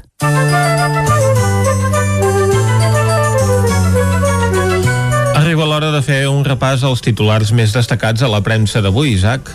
Doncs mira, comencem amb el punt avui. Eh, el titular principal per Pere Aragonès diu eh, Aragonès en espera eh, amb alguns subtítols o alguns destacats més. La CUP una incògnita, incògnita fins a darrera hora, fins demà que no hi ha el ple d'investidura, no veurem com es resol tot plegat. I també diu no té els suports garantits per ser president en la primera votació. La fotografia, però, no és per Pere Aragonès, és per Joan Josep Nuet, que ahir declarava al Tribunal Suprem. Nuet es defensa al Tribunal Suprem, pressió policial als diputats que es van concentrar per donar-li suport, diu. Mm -hmm. Era un dels membres de la mesa del Parlament que, pel que faltava encara el judici. Uh, més qüestions. Uh, en l'àmbit esportiu, un gran Barça en la Champions femenina va guanyar 3-0 perdó al Manchester City i represa intensa de la vacunació a la franja d'entre 60 i 65 anys. També Aznar i Rajoy fan l'orni sobre la caixa B del PP. Uh, Lara, Borràs proposa Aragonès amb la investidura a l'aire. Diu, Esquerra i Junts per Catalunya negocien reformular el Consell per la República a l'espera de pactar el govern. Aquí la fotografia és per eh, Noma, la malaltia que devora rostres. Una persona malalta d'un hospital de Metges Sense Fronteres a Nigèria és un dels pocs centres al món especialitzat en aquesta infecció que afecta els infants. Doncs és el reportatge que destaca avui la portada del diari Ara. Sobre la pandèmia, també la població d'entre 66 i 79 anys en terra de ningú en la vacunació i la Unió Europea qüestiona AstraZeneca per amagar 30 milions de dosis a Itàlia. També descobert un dels secrets més ocults dels forats negres. A l'avantguàrdia, eh, milers de catalans amb cita per vacunar-se sense que Salut els truqui. Merkel demana perdó i revoca el tancament d'U Itàlia evita la desviació de milions de dosis d'AstraZeneca. La fotografia de portada és per la declaració ahir d'Aznar i Rajoy. Aznar des del despatx a casa seva i amb mascareta. La caixa B del PP és un deliri de Bárcenas. És la cita que posen sota aquesta fotografia dels dos exmandataris del Partit Popular. També Aragonès afronta demà la investidura encara sense tenir els suports garantits i Macron adverteix que Turquia interferirà en les eleccions franceses. Aznar i Rajoy també apareixen a la portada del país. Amb ell iniciem el recorregut per la premsa madrilenya. Abans farem el periòdico. Doncs fem el periòdico, sí senyor. Avui han canviat l'ordre. Això ho veig. Uh, a la, porta, a la fotografia, eh, en aquest cas no és per Aznar i Rajoy, és pel violinista de Granollers, a qui li van robar el violí. Robat, recuperat el Raval un violí de Casa Blanca i aquí veiem la, la crònica, eh, veiem el, el Conrado Bolsi amb el seu violí, amb voltat de violins, i entenem que, doncs, que a l'interior trobem la història d'aquest músic, la història d'aquest robatori que ja explicàvem, que va ser divendres i que el violí ho explicàvem pràcticament en primícia dimarts al matí a la secció de les Pilars, després que ho publiqués Teresa Terrades al 99.cat. El titular principal, però, vacunes sense control. Merkel recula davant les crítiques i tancarà Alemanya per Setmana Santa. Aznar i Rajoy li carreguen el mort de la Caixa B del PP a Bárcenas i Ayuso fitxa Toni Cantó per la llista a les eleccions de Madrid. Bé, ja, per està, ja, ja, ja està tot dit. Per cert, ho vam endevinar, eh? perquè vam apuntar aquest xicot eh, d'aquí 4 o 5 dies s'apunta algun altre invent, algun altre partit segur. Oi, t'ha tardat 3 dies. Després d'acabar amb UPyD i amb Ciudadanos, doncs mira, ara cap al PP. Aviam com acaba. Anem a Madrid, ara sí. El país, com deies molt bé Vicenç, Aznar i Rajoy amb foto de carrer pràcticament a la part alta de la portada, Aznar y Rajoy niegan la caja que funcionó 19 años en el PP, també eh, una fotografía per el megabuque encallado bloquea el canal de Suez, la Unión Europea endurece la exportación de vacunas en pleno pulso con AstraZeneca. Al mundo, fotografia Uh, per Pablo Iglesias diu, del sí se puede al no se pudo la crònica que signa Lucía Méndez el, la CEPI vio fundamental el informe de Ábalos para rescatar a Plus Ultra el PP avanza el fichaje de Tony Cantó para Ayuso, pero Ayuso no lo confirma. Aznar y Rajoy niegan taxativamente haber oído hablar de la caja B del PP. A l'ABC la portada és per un altre protagonista del dia, una menor, no sé si, no sé si tenen els drets, la prince, princesa en el reino de las palabras. Sí, princesa en el reino de las palabras. La princesa Leonor ayer en el momento de, en el Instituto de Cervantes acompañada de Carmen Calvo. Doña Leonor acude a su primer acto en solitario en el 30 aniversario del Instituto Cervantes. També l'altre titular destacat a l'ABC Ayuso fitxa Cantó per a la lista del PP al 4M. I també és la mateixa protagonista de la fotografia de la portada de la Razón. Leonor, presente y futuro, la princesa de Asturias se estrena en su primer acto en solitario en el Instituto Cervantes. El titular principal, però, és Sánchez relega a Ferraz del 4M, 4M tras el fiasco de Murcia y Puigdemont dinamita la investidura de Aragonés en la recta final. Junts per Cat da por hecho su rechazo a Esquerra y Borràs impide que ella sea candidato. Doncs la notícia del dia és aquest eh, fitxatge de Toni Cantó per la llista d'Isabel Díaz Ayuso mm. a la Comunitat de Madrid. Sembla bé, un fitxatge com si fos, doncs no sé, el de l'Mbappé, per exemple. Eh, home, home. jo m'imagino el despatx d'ells dos i ja els gags de Polònia sortirien sols. Sí. És que... L'actor ja li tenim. O, o, o presumpte actor. Clar, en teoria han de ser bons, eh, per ser el Polònia els actors, però bé, cadascú contra gustos. Però bé, el fitxatge el, el tracten així així i fins i tot a l'ABC no, parla això de fitxatge, com si estiguéssim parlant això d'una figura del futbol, en canvi, eh, titulen a portada també malestar al PSOE madrileny per les inversions de Moncloa imposar noms a la llista. És a dir que Ayuso fitxa i en canvi si aquí qui intervé és Pedro Sánchez es veu que és una ingerència que molesta el partit. Bé, hem fet un repàs a les portades a la premsa d'avui. És hora de posar punt i final a aquest bloc informatiu. Ah, Exacte, doncs Vicenç, posem punt i final al bloc informatiu que bé, sembla una crònica gairebé això del Polònia com dèiem abans eh? sobretot si, de fitxatges sí, sobretot si ens assenyim a, bé, a, a, a les jaquetes que duia el Toni Cantó que ja recordaves que va començar la seva carrera política a UPyD, de bracet amb la Rosa Díez. Ho va ensorrar? Uh, bé, sí, això, això sembla. Després se'n va anar cap a Ciutadans. En queda poca cosa. En queda poca cosa. Una de les coses que va dir fa 15 dies és que quan li van dir, eh, diu, ostres, tu acabaràs anant al PP, diu, no, no, jo els partits que no condemnen la corrupció no hi aniré mai, i goital. Uh, Bé, encara, ja, ja encara no és a la llista. Sí, no, no, però, però bé, vaja, tot sembla... sembla que la cosa està feta. Sí, això sí, anirà com independent, eh? No que ningú es pensi Home. que... Va, uh... tanquem això, tanquem això i posem-nos seriosos, Vicenç, avui, mhm. -huh. perquè uh, la cançó que escoltarem avui és d'un grup uh, mític del rock nacional, són els Bars, aquest grup ballesà, mhm. -huh. però també amb, ramific... vaja, amb ramificacions usonenques, perquè un dels seus guitarristes és, uh. -huh. o avui hem de dir era, el Josep Maria Vilà, més conegut com a Coqui.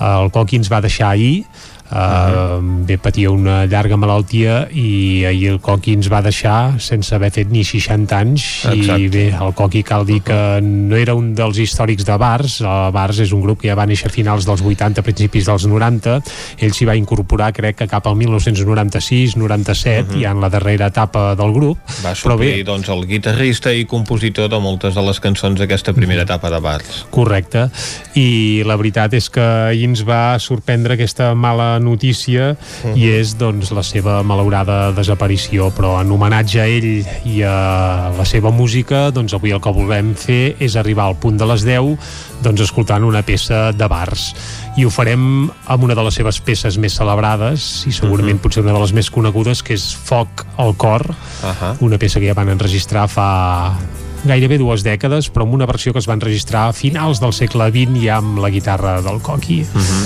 uh, L'escoltem? Exacte, en Coqui que va ser també doncs, el gran artífex del retorn de Bars als escenaris el 2015. Exacte, exacte. Amb un únic concert on es van retrobar tots els membres de la banda que es va fer als Hostalets de Balanyà, Exacte. precisament sí, a, a casa teva, com aquell qui diu, eh?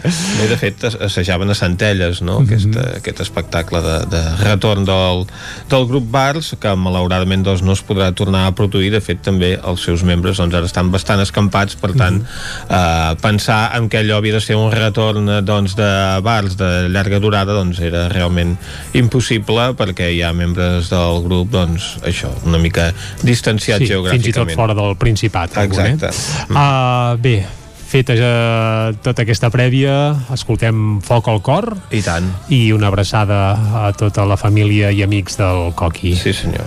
Doncs seguim a Territori 17, avui amb bars. Però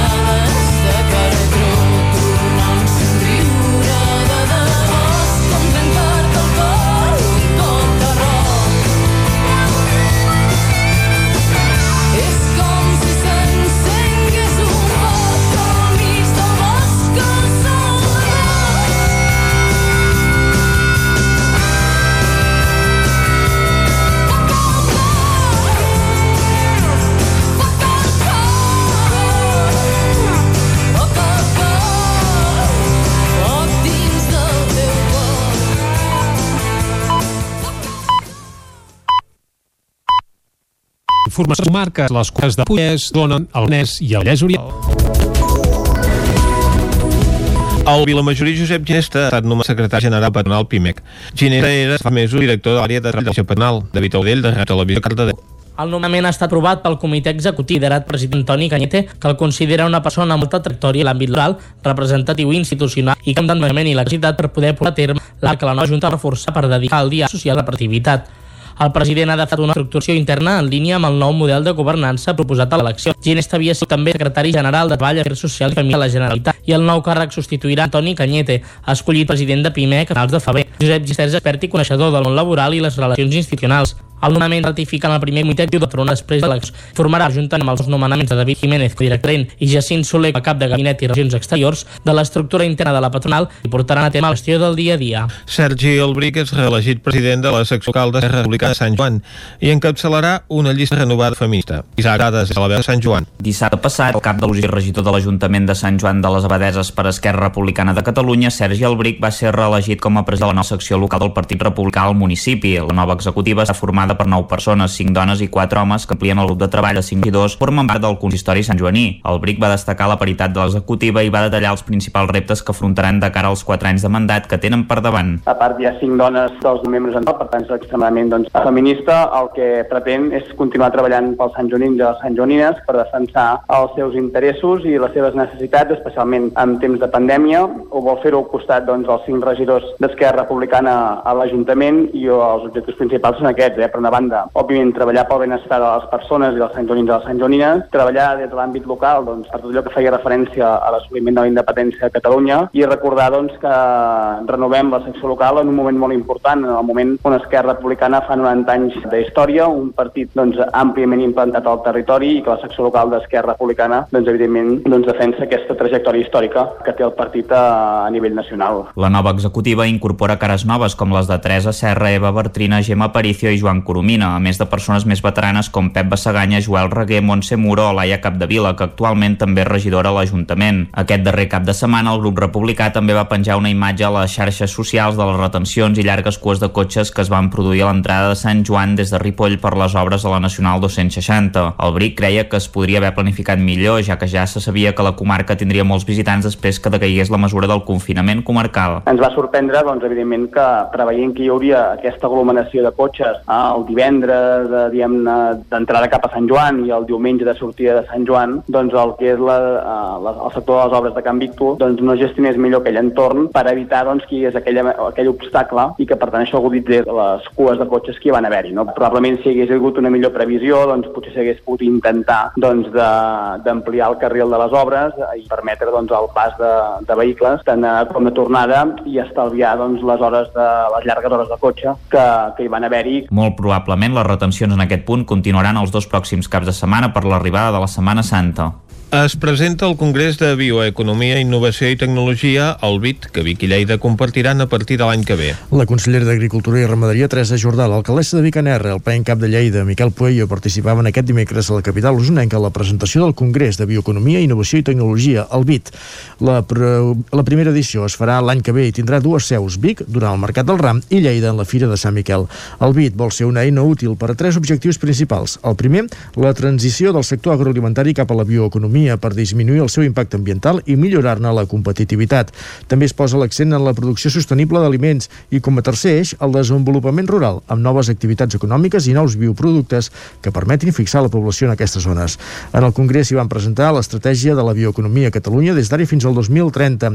Teresa Jordà és la consellera d'Agricultura, Ramaderia, Pesca i Alimentació en funcions. Apostar decididament pel que avui ens porta aquí, apostar decididament per la bioeconomia i apostar també per un model econòmic i per uns processos productius que siguin, sens dubte, molt més respectuosos amb el medi i no només molt més respectuosos amb el medi i amb el nostre entorn, sinó també amb el territori alhora que siguin també compromesos i que ho facin de manera decidida eh, per un compromís social, deixeu-m'ho dir així, eh, ambientalment. Això per nosaltres és extremadament importantíssim. Una de les experiències que es va exposar a la presentació del Congrés va ser la de la cooperativa Plana de Vic, que juntament amb una vintena de socis europeus d'Argentina i Xile participa al projecte Fertim, Fertimanure del grup tecnològic Beta de la Universitat de Vic. Treballen per obtenir fertilitzants de les dejeccions ramaderes que es puguin comercialitzar en el mercat europeu d'adobs. National Geographic estrena el documental Neandertals, l'últim refugi amb protagonisme per les coves del Toll de Mollà. La producció explica com els últims neandertals van viure a la península ibèrica. Caral Campàs és d'Ona Codinenca. El documental estrenat el passat diumenge explica com l'avanç de la ciència i la tecnologia estan derrocant diversos mites sobre els nostres avantpassats neandertals. A través d'una extensa investigació i gràcies a les troballes de Miquel Guardiola i Maria Martinon, el documental explica que la península ibèrica no va ser només un refugi, sinó que va ser el territori on va viure la major part de la població neandertal mundial. Sentim un fragment del tràiler. Nuevos hallazgos. El primer artista no fue el Homo sapiens. Nuevas teorías. El hallazgo pone patas arriba lo que creíamos que eran capaces de hacer nuestros parientes cercanos. Arte. Medicina. Tecnología paleolítica. Cocina. Pensamiento simbólico. Todo lo que creíamos exclusivo del Homo sapiens lo estamos descubriendo ahora en nuestros parientes más cercanos. Hoy en día es un humano que nos devuelve la mirada. En 44 minuts que dura l'audiovisual s'explica com els homínids van aconseguir sobreviure més de 300.000 anys convertint-se en el grup humà que més temps ha habitat el planeta. Gràcies al treball dels investigadors podem conèixer com va ser la seva vida a la península. Entre d'altres, el documental recull les noves troballes fetes com són les restes de petxines i mol·luscs trobats a Portugal. Això demostra que la dieta neandertal era molt similar a la dels humans moderns de l'Àfrica. També s'expliquen els gravats descoberts a Gibraltar l'any 2014 o els nous descobriments a les coves del Toll i la cova de les Tuixoneres del Parc Prehistòric de Mollà. El film està produït per National Geographic conjuntament amb la productora Minoria Absoluta i estarà disponible a la carta durant 3 mesos fins al 14 de juny. Els dibuixos de Pilarín Vallès tenen més de 30 anys, però segueixen funcionant. Els tradicionals personatges d'en Pau i la Laia tornen a ser protagonistes ara de dos nous contes, Cuidem les gallines i Neix un vedell, que parlen de la vida pagès amb les històries de Dalina Palací i Assumpta Verdaguer, juntament amb els dibuixos de la nirotaire Pilarín Vallès. A més, s'han actualitzat amb unes píndoles de caire més científic de la mà de la veterinària Ima Puigcorbé del Mas Lledrer de les Llosses. Ho explica la nirotaire de Vic. Una veterinària i ha posat uns puntets per dir-ho d'alguna manera, científics al tema, que expliquen coses que ja no són al conte, que són coses molt verdaderes. I mira, jo aquí he disfrutat molt dibuixant perquè és un tema bonic. Eh, aquest contacte dels nens amb un animal és el contacte dels nens amb la natura. Les històries d'en Pau i la Laia van néixer l'any 1987. Els dos personatges eren el fil conductor d'una col·lecció de contes pensada per ensenyar a llegir i escriure i l'èxit va ser gairebé immediat. Adelina Palacín. Els contes aquests ja fa temps que es van editar i són fruit de l'experiència personal. Concretament aquest de les gallines l'he viscut i el van viure els meus fills. El que passa que eh, s'ha adaptat una mica a, al, al món d'una masia, perquè això va passar realment en una casa normal, però aquesta història és real. I aquí reflexa una mica tot els, la costum o els costums que tenen les gallines, que són els animals més propers a l'home. Avui dijous, a les 6 de la tarda, es farà la presentació d'aquests nous volums en un acte al claustre de Casa Convalescència de Vic, on hi participaran les dues escriptores i la dibuixant, així com la mestra Clara Guindolain i la veterinària i pagesa Ima Puigcorbé. Els Amics de la Música de Manlleu han encetat la 31a edició del cicle de concerts. Un meló que aquest dissabte obria el temps posterior a l'auditori de la Fundació Antiga Caixa Manlleu va ser l'escenari escollit per obrir el 31è cicle de concerts de Manlleu, una responsabilitat que va recaure de ple en temps posterior una formació jove formada per la violinista Mar Maria Tió, el violoncel·lista Ferran Verdolet i el pianista Ricard Rubirola. Tots, tot i els reptes que suposa el context de pandèmia, amb aquesta actuació els Amics de la Música de Manlleu encetaven un cicle que, si les circumstàncies són propícies, s'allargarà fins al mes de desembre. Montserrat Pla de la Sala és la presidenta de l'entitat. Intentem fer un concert al mes, excepte un parell o tres de mesos, que, els, que, que, que no hi tenim concert, a l'estiu i així, um, i bueno, cada mes uh, organitzem, tenim un concert programat, Aquest any és complicat el tema d'aforaments, perquè hem de controlar molt els aforaments, perquè ens han quedat tots a la meitat, i per tant, doncs, eh, aquest any donem molta preferència als socis. Si els socis primers són els, primer, els que primer poden comprar les entrades i a les entrades que queden doncs, per la resta de, de la gent. No? L'actuació de Tempus Trio va arrencar amb una peça de Franz Schubert, que va compondre quan tenia 15 anys. Li van prendre el relleu Dimitri Shostakovich i Félix Mendelssohn. Un vis amb la música de Robert Gerard va tancar la ballada, un homenatge al 50è aniversari de la seva mort, que l'any passat, a causa de la pandèmia, no es va poder commemorar. I fins aquí el butlletí informatiu de les 10 del matí que us hem ofert amb les veus de Vicenç Vigues, Isaac Moreno, David Auladell, Caral Campàs i Isaac Muntades. Ara el que ens toca és recuperar la informació meteorològica per saber el temps que ens espera per a les properes hores. Casa Terradellos us ofereix el temps. I a Territori 17 parlar del temps és parlar amb en Pep Acosta, aquí ja saludem de nou. Bon dia, Pep. Hola, molt bon dia. I bona hora. Tindrem molt de sol durant tot el dia ja va bé. i a la tarda creixerà alguna nuvolada. Les típiques nuvolades ja de primavera, que ja fa unes quantes tardes que creixen, però que seran molt inofensives. Avui l'única novetat és que seran aquestes nuvolades una mica més importants que al Pirineu. Uh, hi ha una mica més d'inestabilitat, molt poca, eh, molt poca. Aquest aire fred, uh, aquest front fred està una mica més a prop, una mica més d'inestabilitat. També fa més calor ja al migdia, quan se fa una mica més de calor, i això fa que els núvols puguin créixer amb una mica més de força a les tardes. No hi haurà cap precipitació, però això sí que quedarà el cel mig ennuvolat cap, a, cap al Pirineu. Eh? Uh, també creixen núvols cap a les Guilleries, cap a Montseny, però mm, no deixaran tampoc cap mena de precipitació. Núvols per fer bonic, mm, núvols que tenen molt poca energia, uh, núvols amb molt poques condicions favorables perquè hi hagi precipitacions. Per tant, molta, molta tranquil·litat. Unes temperatures màximes molt semblants a les d'ahir, mm, la majoria de valors entre els 17 i els 20 graus. Uh, no crec que superem a les nostres comarques els 20 graus a cap localitat. Mm, S'hi acostaran, poder 20 graus sí que, que tindrem, però més de 20 ja més complicat. I la majoria, com deia, eh, de 17 a 20 graus, temperatures bastant homogènies, molt semblants a tots els nostres pobles i ciutats.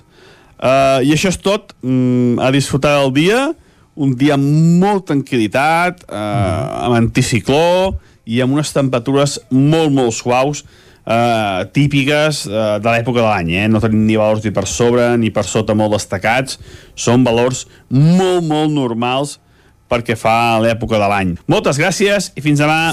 Adéu. Ja, gràcies a tu, Pep, uh, pel que ens diu això en Pep Acosta. Vicenç, temperatures molt suaus, però uh, a to en el que tocaria per l'època de l'any en què estem. Eh? Ja m'imagino que les mínimes, per tant, avui gelades pràcticament en lloc del territori 17, oi? Temperatures més altes que les d'ahir, però tot i això hi ha hagut llocs on ha glaçat. Ah, doncs vinga, va, repassem on ha sigut això. Per exemple, Sant Pau de Segúries, Uh -huh.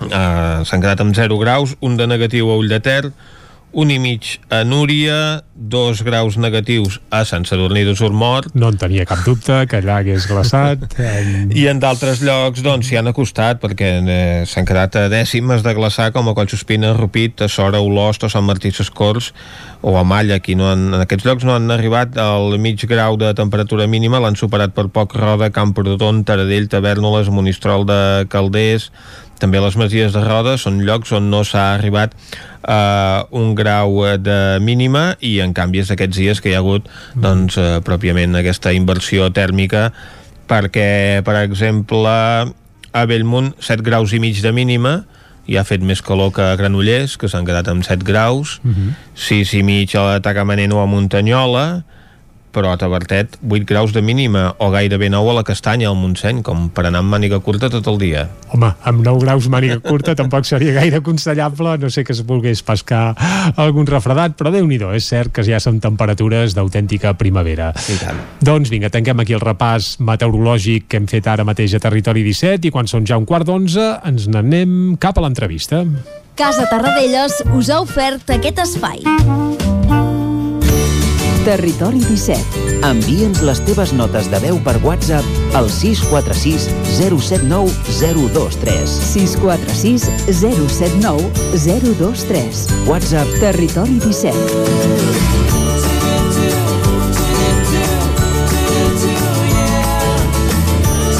Territori 17. Som a Facebook, Twitter i Instagram amb l'usuari Territori 17.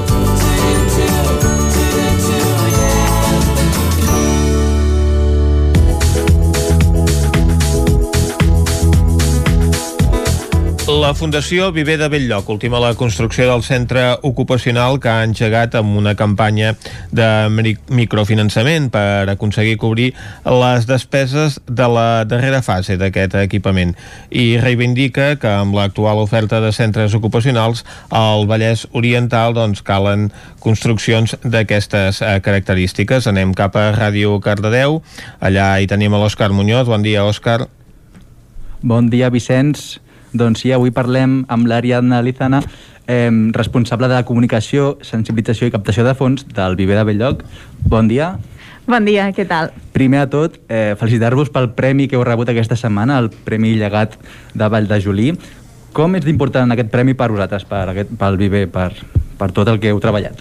Doncs la veritat és que el vam rebre amb moltíssima il·lusió Uh, per una part, doncs, perquè és un- premi que s'entrega anualment i des de fa molts anys, o sigui que té un cert reconeixement, no?, i que el que fa és reconèixer la tasca d'una entitat social que fa atenció a persones, llavors que pensin en nosaltres no? i que diguin, doncs volem reconèixer la tasca de Viver de Belllloc per nosaltres reforça molt el compromís de continuar treballant i no és com un impuls i, i a part és un premi que, que té una dotació econòmica en aquest També cas de, important. de, de 20.000 euros sí, que ens anirà doncs, fantàstic pels propers projectes que, que tenim en ment des de la Fundació Eh, 20.000 euros que ajudaran també a acabar la construcció d'aquest centre ocupacional o no?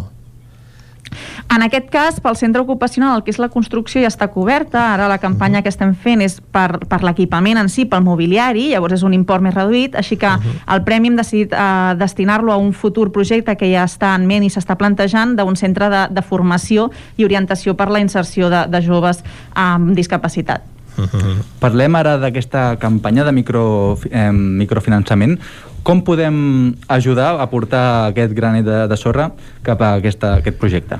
Doncs sí, com deia, el centre ocupacional serà un equipament d'atenció a persones amb discapacitat, una atenció diurna. Ara mateix aquest centre doncs, ja està pràcticament construït, o està en una fase ja molt última, i el següent pas i últim doncs, seria equipar-lo, equipar-lo amb tot el mobiliari, amb tot l'equipament tecnològic, tot allò que permetrà ja posar-lo en marxa. Així que hem fet una crida, en aquest cas hem, ens hem posat un objectiu de 5.000 euros a través de la plataforma Migrano d'Arena, on és molt senzill fer un donatiu, llavors estem intentant a través de xarxes socials i, i tota la força de tota la gent que ens acompanya, doncs a veure si aconseguim aquests diners, ja sigui per la plataforma Migrano d'Arena, també ens poden fer una transferència en cas de que, de que no els hi vagi bé doncs, aquesta plataforma o, o el que sigui. Mm. Ens dius... El mobiliari Mm. Vale, sí. El mobiliari que també la, funda eh, la Fundació la CaixaBank no, va fer una aportació a doncs, a l'entitat de, de mobiliari, no? Sí, recentment vam participar en un programa nou que han engegat des de CaixaBank, on des de les pròpies oficines, quan han de retirar mobiliari, ja sigui per renovar, o amb empresa amb qui elles tenen contacte, doncs posen en contacte empresa i entitat i fan un donatiu de mobiliari. En aquest cas vam rebre una, una part de mobiliari d'oficina que ens va anar molt bé per renovar el, el que teníem actualment a les nostres oficines. Ens deies, Andrea, que aquestes obres doncs, avancen a bon ritme. No sé quan es preveu que s'acabin i que pugui entrar en funcionament aquest centre ocupacional. Doncs les obres sempre van lentes, més, lentes del que, del que tothom vol, no? I, i més en Però, pandèmia. En, I més en pandèmia, exacte, i més en pandèmia. L'objectiu uh, seria poder engegar l'activitat al setembre, és a dir, que, que la construcció estigués feta a l'estiu, poder acreditar-ho, perquè això s'ha d'acreditar, perquè són places concertades i llavors de cara al setembre poder engegar aquesta activitat. Hi haurà una part, un cop estigui construïda, que dependrà de la burocràcia, diguéssim. Uh -huh. Ara parlem d'aquest centre ocupacional. Eh, com és d'important aquest centre per la comarca, no només per Cardeu, sinó per, també per la comarca, i què, quines són les activitats que es podran fer allà en aquest centre per la gent que necessiti?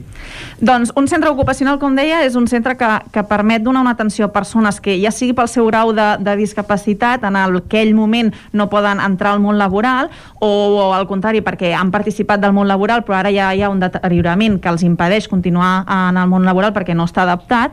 Llavors, és perquè aquestes persones no s'hagin de quedar a casa, que ara en molts casos és l'alternativa, no? Mm. Si no, si no tens un, un món laboral en el que anar a fer la teva jornada al dia, necessites un altre centre on poder doncs, fer unes activitats diurnes que en aquest cas doncs, serviran per potenciar molt les seves habilitats, la seva autonomia, no? perquè si no al final quedar-te a casa implica un deteriorament, no? i això és el que, el que no podem permetre, no? Que, que hi hagi persones que es quedin a casa. La idea doncs, és construir aquest centre, és molt important, nosaltres creiem que sigui al territori, al prop de l'entorn comunitari de la persona, i fa dies uns dies explicàvem el cas d'una persona de la nostra entitat que clar s'ha de desplaçar fins la Roca i està encantat amb el centre on va, però aquest desplaçament implica que et mous a un lloc que no és el teu entorn habitual, llavors això dificulta el que és la inclusió social no? en el teu entorn comunitari per tant, nosaltres considerem que és molt important poder-ne tenir una aquí a Cardedeu. A més, la nostra idea és que les activitats es facin molt en xarxa amb totes les entitats de, del territori. La idea és que puguin participar i així doncs, poder venir aquí a la ràdio i fer un taller de ràdio, no? Exacte. O poder fer moltes activitats així que al final permeti doncs, tant la seva autonomia, desenvolupar les habilitats i aquesta inclusió social que és pel que nosaltres treballem. Mm, estem parlant d'aquest centre doncs, eh, destinat a persones de més de 16 anys no, que poden, no poden accedir al món laboral com explicàvem i aquest eh, centre ha de tenir en principi 16 places. Exacte, sí, serien 16 les places que donarien i, per tant, les oportunitats que podem generar. Mm -hmm. Que poden ser, doncs, per joves de Cardedeu mateix o també de l'entorn, això que, que comentaven, no? Hi ha aquesta mancança d'aquest tipus de places en el conjunt del Vallès Oriental, per tant, de la mateixa manera que ara joves de Cardedeu han d'anar a altres llocs, ara tindran l'oportunitat de fer-ho al seu poble mateix, però també hi pot haver l'oportunitat de joves de l'entorn doncs, que tinguin cabuda en aquest centre ocupacional. Exacte, i de fet ja són diverses les entitats que s'han posat en contacte amb nosaltres doncs, demanant informació perquè tenen persones pendents de que es puguin uh, inaugurar centres d'aquest tipus per poder-hi doncs, derivar les persones que actualment doncs, estan finalitzant l'etapa educativa obligatòria no? i el següent pas doncs, és aquell pas que no saps ben bé cap a on han de tirar no? i aquest és un, un recurs doncs, que els anirà molt bé quan estigui construït. Uh -huh. Això obligarà lògicament a ampliar el número de serveis, també el número de professionals que, que tenen el Viver de Belllloc i, i també el finançament d'aquest eh, centre ocupacional, el funcionament del dia a dia, no? Exacte, en definitiva cre creixem, oferim més serveis i això implica molts, molts més recursos per mantenir aquests serveis. Per sort, doncs, sempre comptem amb, amb molt suport social o, o d'entitats o finançament públic i també el propi finançament que aconseguim no, a través de tota la nostra activitat més empresarial, que en definitiva, com que som una entitat sense ànim de lucre, tot això reverteix en aquests projectes socials. Uh -huh. I com ens comentaves, doncs teniu un projecte de futur, que és aquest centre de formació per joves amb discapacitat. És el proper repte de, de creixement del viver de Belllloc, que no para de créixer, però explica'ns una mica com, com ha de funcionar funcionar i quines són les previsions per l'obertura d'aquest nou servei? Aquest nou servei també és un servei que, que analitzant, no? que sempre nosaltres analitzant les necessitats del territori, creiem que completaria una mica tota la cartera de serveis que fins ara oferíem. Eh, seria un servei, en aquest cas, també per persones joves que acaben la seva etapa educativa obligatòria, però que com potser a nosaltres d'allà d'acabar l'etapa educativa obligatòria hem passat a un batxillerat o una universitat, no? potser això ara encara no està tan adaptat, necessiten algun altre tipus de, de formació i habilitació per entrar al món laboral, no? que seria el següent pas, perquè diguéssim que si acaben directament de, de l'etapa obligatòria ja passa directament al món laboral, que queda un pas entremig, no? i és una mica el que, el que volem suplir amb aquest servei, seria una formació que pretenem que sigui bastant innovadora, molt pràctica, una formació dual en la que estiguin ja directament des de que comencen a, a fer-se la formació doncs, també treballant, a més, volem crear una aula de simulació on treballarien amb totes les màquines reals perquè ho volem enfocar, una part estarà molt enfocada al sector industrial, no tota, però una part sí, amb aquesta aula de simulació volem doncs, que des del primer dia puguin ja treballar amb les, amb les eines, amb la maquinària que es trobarien en el món real, no? perquè en definitiva, si s'ofereix l'orientació i la formació, sempre ho diem nosaltres, les persones amb discapacitat són capaces de molt, no? només necessiten uh mhm. -huh. aquesta oportunitat, aquesta formació.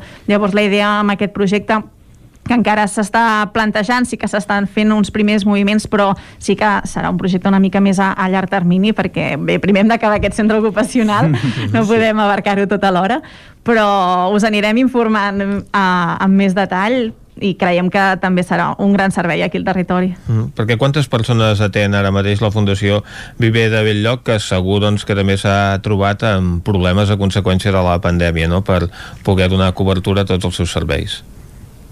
Doncs mira, us puc donar la dada així com en primícia perquè estem tancant la memòria del 2020. El 2020 vam atendre 317 persones des dels uh -huh. diferents serveis de, de l'entitat. Uh uh, certament, clar, la pandèmia va aturar, tot i que estem molt contents perquè amb la força de, i el compromís de totes les persones treballadores de l'entitat vam continuar endavant i moltes coses van continuar engegades, però certament ja sabés doncs, que, que es van haver d'aturar i això ens ha impedit segurament donar atenció a tantes persones com voldríem, però estem molt contents d'una dada que supera la de l'any anterior, tot i així, són 317 persones des de tots els diferents serveis de, de l'entitat i són si no recordo malament, 139 persones que treballen al nostre centre especial de treball i a part uh -huh. fem tot el que és inserció en empresa ordinària, no? que allà també és un servei que aquest any s'ha consolidat molt i hem aconseguit donar molta atenció en aquest àmbit. Doncs Andrea Lizana, moltes gràcies per acompanyar-nos avui. Moltíssimes gràcies a vosaltres. Amb la responsable de comunicació, sensibilització i captació de fons a Viver de Belllloc hem parlat avui de l'entrada en servei d'aquest nou eh, servei de Viver de Belllloc i dels seus eh, projectes de futur. I nosaltres el que farem és una breu pausa, tornem a dos quarts en punt amb piulades aquí, a Territori 17. Fins ara. El nou FM, la ràdio de casa, al 92.8. Passema, comercial de maquinària i utillatges amb més de 50 anys al vostre servei. Visiteu la nostra botiga i trobareu productes de gran qualitat. Passema, som al polígon Sot dels Pradals, al carrer Cervera 10 de Vic. Telèfon 93 885 32 51. Passema us desitja un bon mercat del ram. A Vic, T52, un taller d'emocions. Una celebració, un reconeixement, un record, la victòria, el premi. Tenim una solució personalitzada per a cada ocasió. Ens trobaràs al centre, al carrer 941 i també a l'Horta Vermella, al carrer Menéndez Pelayo 31. Més informació a t52.cat. Anuncia't al 9FM. La màquina de casa. 9 3 8 8 9 4 9 4 9. Publicitat arroba al 9FM.cat. Anuncia't al 9FM. La publicitat més eficaç. Vine a Autoscola Montseny i t'informarem de les nostres ofertes. Permís de moto 16 anys amb 4 pràctiques des de 399 euros. Permís de moto 18 anys amb 4 pràctiques des de 425 euros. Permís de cotxe amb 10 pràctiques des de 460 euros. I si vens amb un amic, et regalem una pràctica. Per més informació, Autoscola Montseny, a la Rambla de Vallades 13, primer segona de Vic, al telèfon 93 885 45 88 i també a Facebook i Instagram. Autoscola Montseny us desitja un bon mercat del ram. Vols gaudir d'un bon arròs a casa sense no haver d'embrutar ni preocupar-te per res? La Fogonera, paelles per emportar. Un seguit de paelles, tapes, platets i postres casolans pensats per a paladars exigents. Ara més, fem menús per a petits grups de comensals. La Fogonera, la rosseria de paelles per emportar GURB i que també et portem a casa. Telèfon 93 851 55 75 i a lafogonera.cat. I quan cau la nit, Pupurri Culinari, solucions per sopar les nits de divendres i dissabte. Entra a pupurriculinari.cat i tria. A Montse Estètic Vic celebrem dos anys. Tant si ets client nostre com si ens acabes de conèixer, gaudiràs de descomptes i promocions tot el mes de març. Aconsegueix un 2 per 1 en la depilació làser al portar un amic o amiga i enamora't gratuïtament de la presoteràpia mentre et fem un tractament facial. Cuida't més que mai. Ara amb el 20% de descompte en tots els productes. Vine a Montse Estètic i mima't. Ens trobaràs a l'Avinguda Pius 12, número 26 de Vic. Al telèfon 672 1704 23 i a la web montsestètic.com. El nou FM, la ràdio de casa, al 92.8.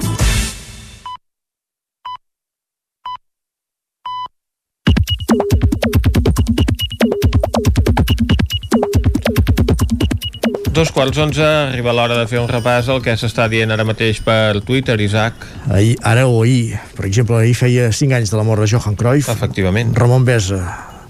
Gràcies, Johan Cruyff, per ensenyar-nos a volar. Josep Lluís Garcia, Toni Cantó ha de ser multat per canviar de partit un cop el mercat d'hivern ja està tancat. Amb altres se els aplica la llei del transfugisme, no entenc, però vaja. Eh. Joan Coma, no voldríem formar part del secretariat nacional de la CUP ara mateix. Estaria dels nervis. Vagi com vagi, mil gràcies per la feinada i tot plegat. Han de decidir què passa amb la investidura demà, eh? Exacte. Miquel R, tres mesos després de posar les primeres vacunes a l'estat espanyol, encara no han vacunat la meva mare de 87 anys. Etiqueta marca Espanya. També una altra efemèride d'ahir, Xavier Tornafoc. Avui fa 45 anys del cop militar a l'Argentina. Honor i memòria per als milers de desapareguts. Una afectuosa abraçada per les seves famílies i amics. Des de Catalunya, etiqueta Nunca Más. Pep Acosta diu aquesta manera d'enfarfegar que té Lugo us agrada a les dones? La isla de les tentaciones 12. Uh -huh. No sé què va passar ahir. Gemma Permanyer. Diu Sant Feliu... Gent de Sant Feliu, Caldes o Rodalies. Algú de vosaltres té el gas amb Electra Caldense? Us recomaneu? Entre les respostes hi ha els d'Electra Caldense que diuen que, que, que, sí, que no? quan vulgui. Josep Lluís Garcia, en aquest camí de perfecció que és la vida, necessito urgentment un curs per saber utilitzar concretament el li i el li, és a dir, el li, L-I o el L-H-I. Uh, li respon, uh, entre d'altres, en Pep Carol, que diu digues lloc i hora i ho fem. Doncs que li facin un curset, no? Exacte. Uh, més qüestions. Anna R, alcaldessa de Vic, des del compte alcaldessa de Vic, perdó. La situació a Osona és preocupant i no es revertirà fins al 70% de la vacunació comunitària davant la flexibilització de mesures, especialment en mobilitat, amb el mercat del ram i vacances de Setmana Santa, engeguem una campanya amb salut per no abaixar la guàrdia. Ho hem explicat a les notícies. Uh -huh. Aquest és bo, també, diu Xavi Verdolet. Diu, escoltant a Catalunya Informació electrònica del judici anuet al Suprem, se'ls ha escapat dir que la seva formació aleshores era Catalunya sí que es fot. Ah. He rigut, mira. El que té que canviar una P per una F. Doncs sí. Uh, Ton Falqués diu, buscant vols a Honolulu amb la Gemma Permanyer. Així estem. Carai, ens hi afegirem el... Doncs. Passa que si no som de la mateixa bombolla, potser no podem volar junts. Ah, això també. Josep Maria Reniu, moltes hores de feina de molta gent implicada a fons per arribar a un procés electoral pioner al país. Enhorabona, etiqueta eleccions agràries 2021. En canvi, des del sector ramader, l'Ima Puigcorbé diu Acabo de demanar a un pagès si avui aniria a votar les eleccions agràries. I m'ha contestat Vergonya els hauria de fer els sindicats, anem tots malament i encara es barallen. Reflexionem, i diu. Això, no en l'àmbit agrari en, i en d'altres àmbits, em sembla, eh? En Peyu comparteix un vídeo deliciós. Diu, he tingut el gust d'escriure un guió i dirigir els millors actors i actrius amb qui he treballat fins ara. Tot l'equip del Corral.cat ha fet una meravella. I el vídeo és dels alumnes de l'escola de Muntanyola que construeixen la seva nova escola. És brillant. Carai. El recomanem des d'aquí. Doncs els nens eh, fent la seva pròpia escola té el seu què. Pep Carol, eh, ara és una violada per iniciativa pròpia, no, no resposta. La immersió lingüística funciona. Els pocs nens catalanoparlants que queden es castellanitzen a l'escola. Reconeguem-ho, pleguem. Etiqueta lingüicidi. Dues pilades per acabar, Jordi Remolins. Si el PSOE i el PSC s'adonessin del mal que han fet els conceptes socialisme socialista, desapareixerien ipso facto, però vaja, a aquestes alçades dubto que tinguin cap remordiment i Quim Torra i Pla, molt agraït a tota la gent que heu vingut al Sucre, molt emocionat a la presentació de les Hores Greus. Un honor comptar amb el poeta i amic Lluís Solà, llibertat i humanisme sempre al vostre costat, Osona. Això va ser ahir aquest acte. Doncs eh, sí senyor, l'expresident de la Generalitat doncs, que va assistir al lliurament de la medalla d'or de la ciutat a Lluís Solà Sala, Lluís Solà, doncs, que presentava el llibre de l'expresident. I ara el que fem, si et sembla, repassar portades de l'edició del Vallès Oriental del 99.cat. La xifra d'ingressats i de defuncions als hospitals per la Covid-19 es manté estable. El cor jove Amics de la Unió actua al Festival de Música Religiosa de Vic. Conrado Bolsito toca la Guàrdia Urbana en agraïment per la recuperació del violí sostret al tren, hi ha vídeo de l'actuació, i Granollers suspèn la Fira de l'Ascensió per segon any consecutiu arran de la pandèmia.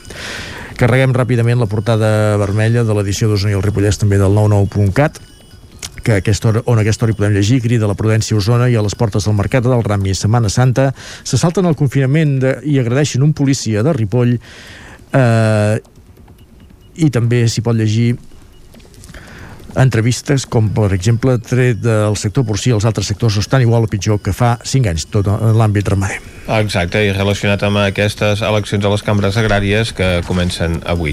Bon doncs, dia. moltes gràcies, Isaac. Nosaltres anem cap a la taula de redacció. Territori 17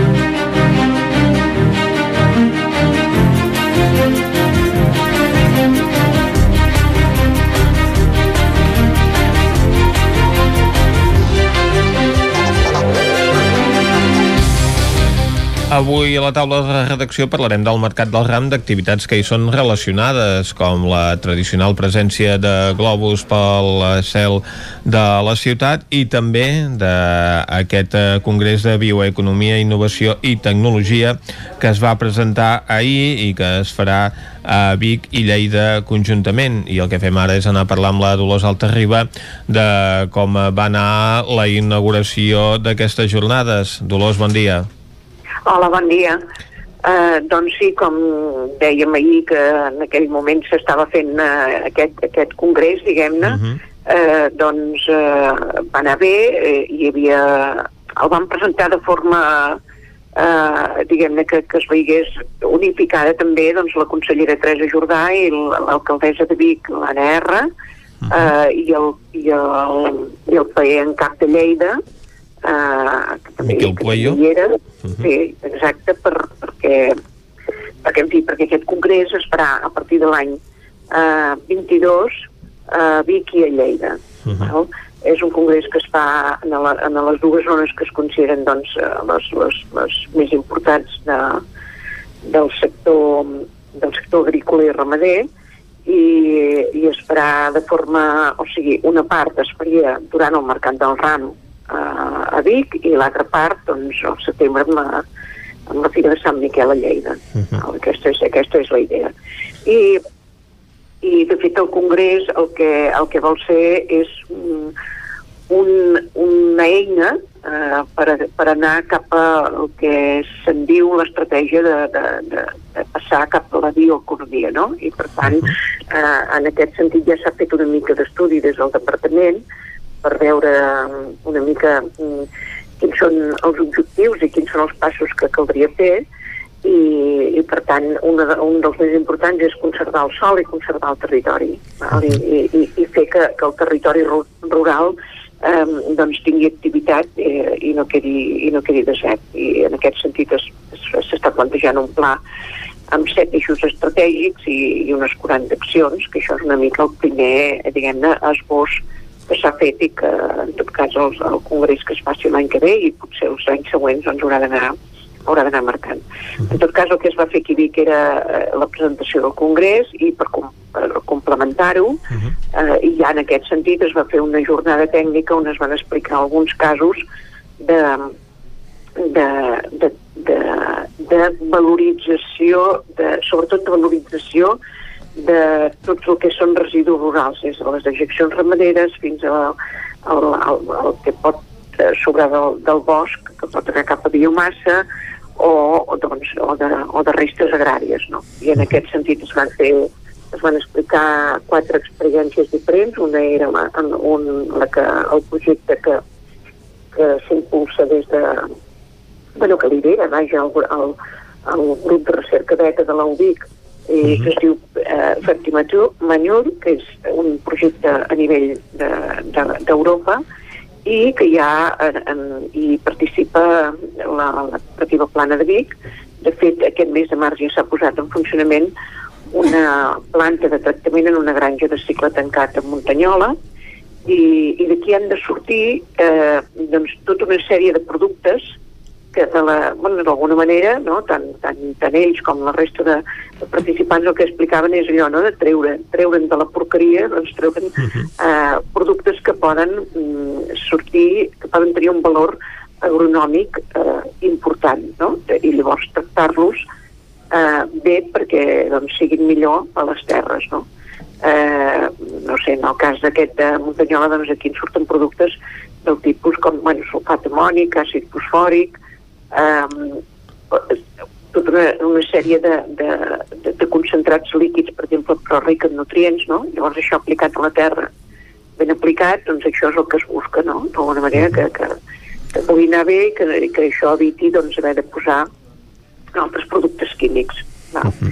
eh, es va explicar aquesta, aquest, aquest projecte també un de molt interessant sobre que, que, que des de les terres de, de Lleida de, que és d'Alcarràs Bioproductors, que són un grup de, de ramaders que el que han fet ha estat eh, doncs, fer una planta eh, amb els seus propis recursos de, de, de dejeccions ramaderes uh -huh. i eh, a més a més doncs, ells van un, una mica més enllà, també una mica a l'estil d'aquest altre projecte que dèiem de Vic, doncs lligat amb, amb l'IRTA i, amb, i, amb, i amb la universitat per buscar aquests nous productes, eh, doncs han creat una mena de, de biolab, no? de, de, de un laboratori on, on es poden um, treure, eh, diguem-ne, rendiment d'un producte que ara bàsicament es llançava, no? I estan -huh. trobant, doncs, maneres de, de fer-ho que, que fins i tot ens podrien sorprendre, no? I suposo que aquestes són les coses que es tractaran en, a, en, aquests, en, aquests, en aquest congrés que es farà a partir de, de l'any que ve. I també hi va haver una, perdona, només una, una, una participació de l'empresa Frigelva, que també a nivell particular doncs, ha, ha creat una, una empresa dins del grup que es dedica a, a això, no? Tot el que els subproductes que li quedaven i, i els llots de la depuradora, doncs de fer-ne de treure'n un rendiment i bé, bé, van dir que estaven molt, molt contents de com estava anant i que deien que seria, que seria rendible, seria una empresa rendible. Doncs a veure si podem tancar aquest cicle productiu. A veure, a veure, exacte, seria això. Economia circular. Exacte. Eh, moltes gràcies, Dolors a vosaltres. No marxem del mercat del RAM per parlar d'una de les seves imatges característiques, Miquel R, els globus sobrevolant la ciutat. Sí, parlàvem d'economia circular, en aquest cas seria circular. També són circulars, els globus. També són una mica circulars.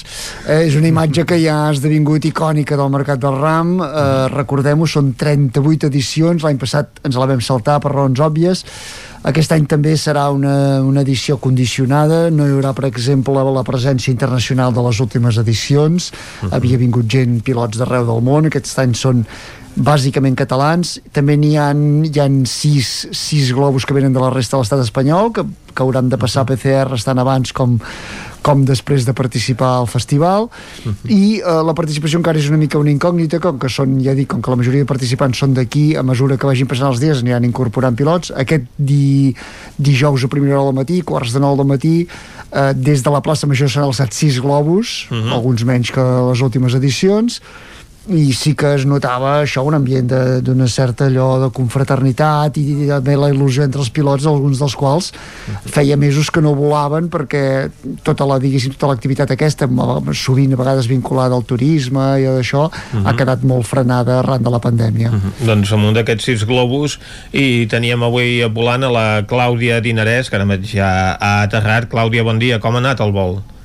Molt bon dia, doncs bé, ara mateix hem aterrat, estem en un punt entre Regulater i Taverna, uh -huh. uh, no sé dir companys exactament on som, però més o menys som aquí.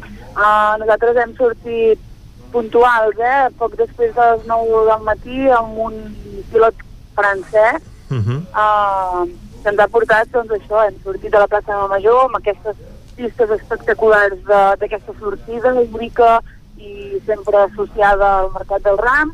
Hem muntat una bona estona per, a, per sobre de Vic, uh, hem pogut veure des de l'aire tots els drets de la capital usonenca, i llavors és veritat que ens hem començat a allunyar, hem estat una bona estona uh, sobrevolant el polígon, uh -huh. llavors ens hem apropat molt a Manlleu i finalment hem acabat a Rada de Ter, des d'on hem pogut veure uh, amb una visibilitat uh, millorable uh, la cinglera de, de Tavertet, uh -huh. una imatge espectacular amb vista d'ocell. Què anava dient? Trejolí, Trejolí, el pilot? Trejolí, ens hem entès amb, amb anglès, la veritat. Oh, eh. uh, perquè ni jo ni en Bernat Sedó, que és el pilot que s'ha pujat amb mi al Blavo, uh -huh. uh, sabem parlar en francès, per tant, i parlar tots en anglès, uh, que al final és l'idioma universal. Molt bé. Per això que ens han comentat que no hi havia participació internacional aquest any. Potser és una persona que està més per aquí Si és de la Catalunya Nord ja no és participació internacional. jo us he de, de, de dir que el pilot que ens a nosaltres és la primera vegada que ve a Civic, uh -huh. uh, sí que ha sobrevolat Doncs sembla que hem perdut aquesta connexió amb la Clàudia, ara mateix no la podem sentir des del lloc on han aterrat amb el globus, a prop de, de Tavernoles, que és el problema que tenen els globus, que saps on surten però no saps on aterren, perquè vas allà on et porta el vent i quan les condicions són òptimes doncs és el moment de prendre a terra Correcte. i de donar per acabat el vol. Anirem veient, Miquel, globus aquests dies per Correcte, la ciutat. precisament això que dèiem, les condicions meteorològiques de la plana ho fan un lloc ideal per fer vols tranquils, eh, per això que dèiem, no? pel tema de la inversió tèrmica, uh -huh. perquè especialment als matins els vents són molt suaus uh -huh. i per tant són relativament controlats, però com els ha passat en Bernat, en Bernat Sadó, que també ja, ja ha pujat a, a fer les fotos per al 9-9 i a la Clàudia uh -huh. per gravar-ho pel 9 TV, el problema és que no saps exactament cap a on anirà el uh -huh. globus i per tant hi ha uns marges relativament controlables on poder, on poder aterrar. I ara estan allà doncs, esperant que els vinguin a recollir. Miquel, moltes gràcies per acompanyar-nos. Tanquem avui aquí aquesta taula de redacció. Territori 17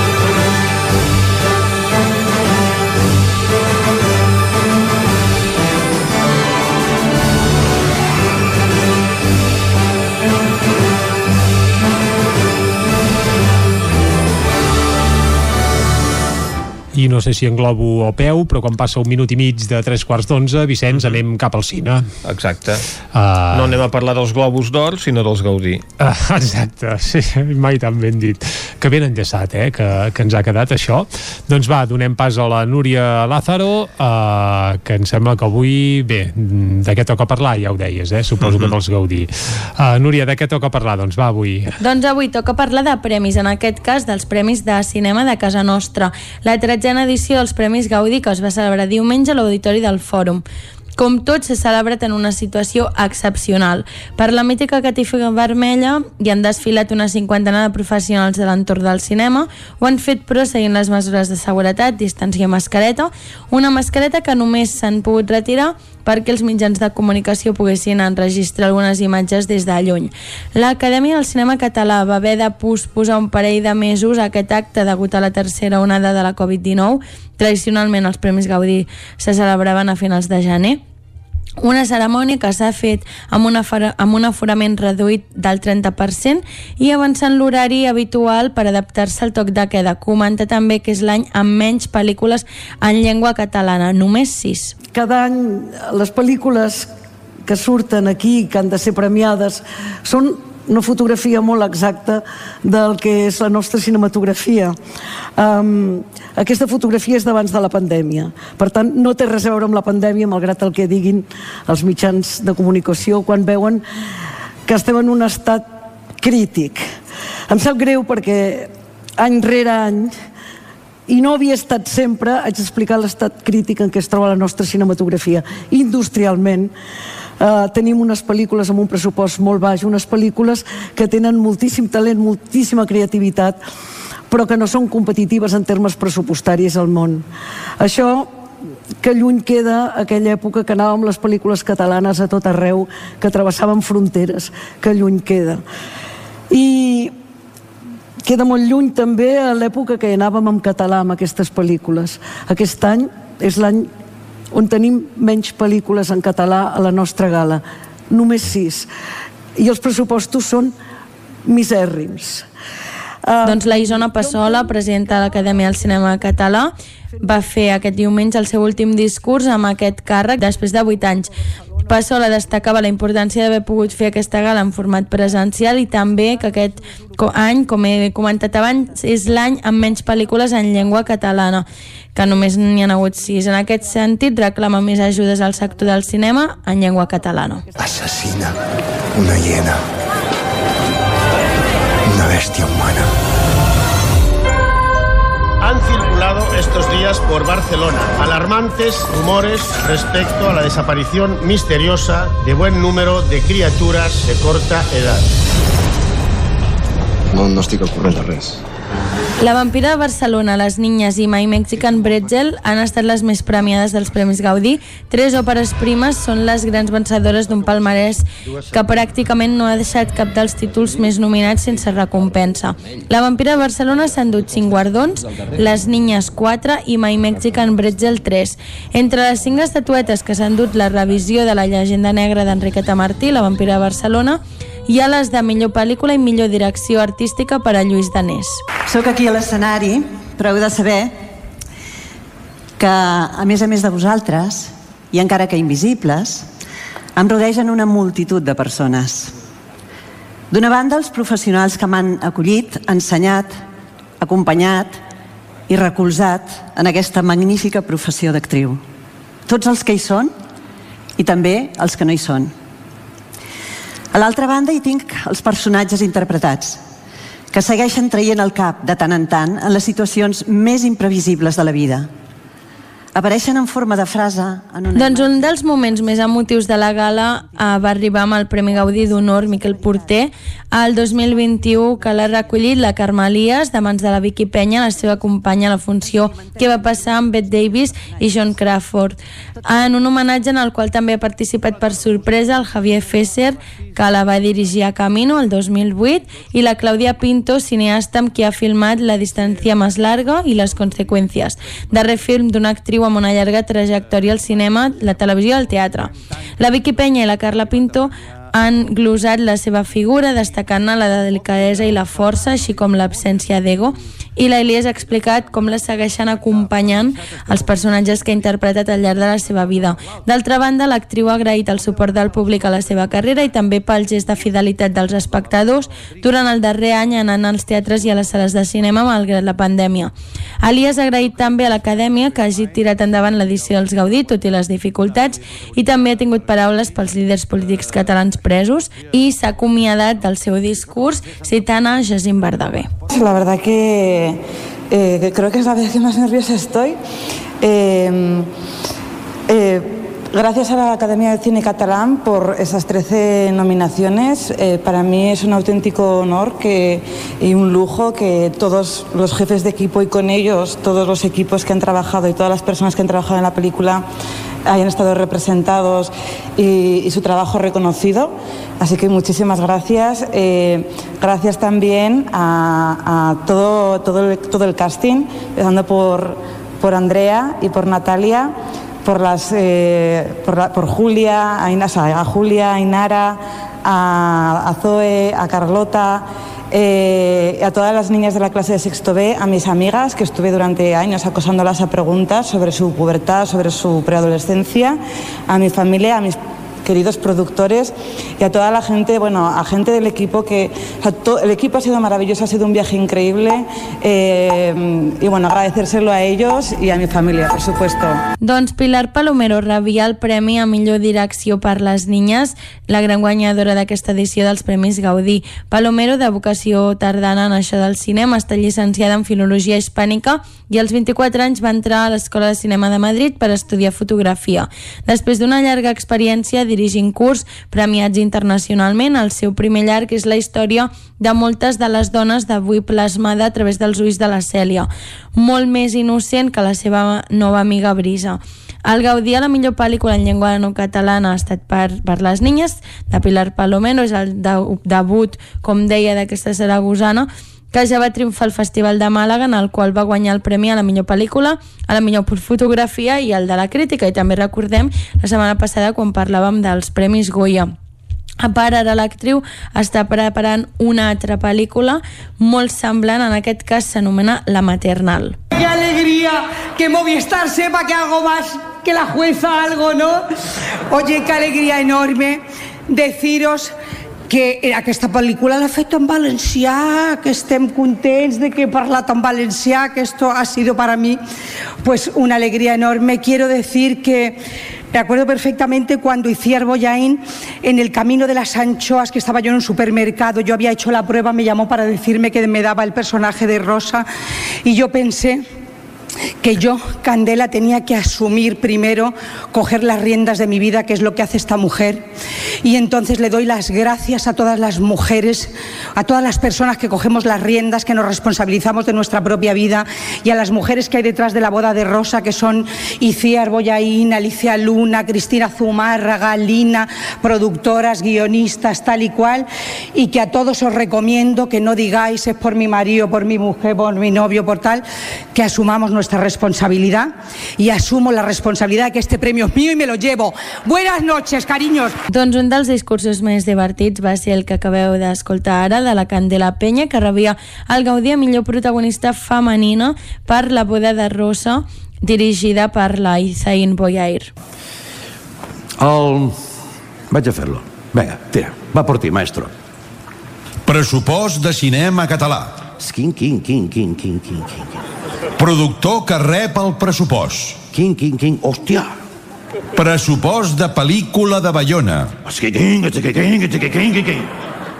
Doncs l'humorista i presentador del programa Leitmotiv també va pujar a l'escenari dels Gaudí, no va entregar cap premi ni va presentar cap guanyador, sinó que va recitar un monòleg que va dedic dedicar a l'actor Pepe Rubianes, que com ella explica, va morir l'any 2009. En definitiva, us ho expliquem, eh? El que volem dir és que el balanç d'aquest any del cinema català és positiu. Positiu. Positiu.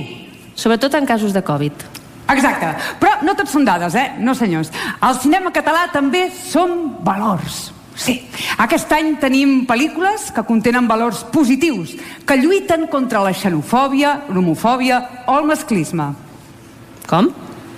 Estàs segura? I per acabar aquest repàs dels Premis Gaudí, comentar el monòleg que van fer l'Elisenda Carot, l'Elisenda Pineda i la Charlie P en aquesta actuació còmica reivindicativa parlant de les dones en el món del cinema i com ha afectat la pandèmia al sector. Les tres són uh, les conductores del programa L'Apocalipsis a Catalunya Ràdio i el, el monòleg va estar fet per la Charlie P.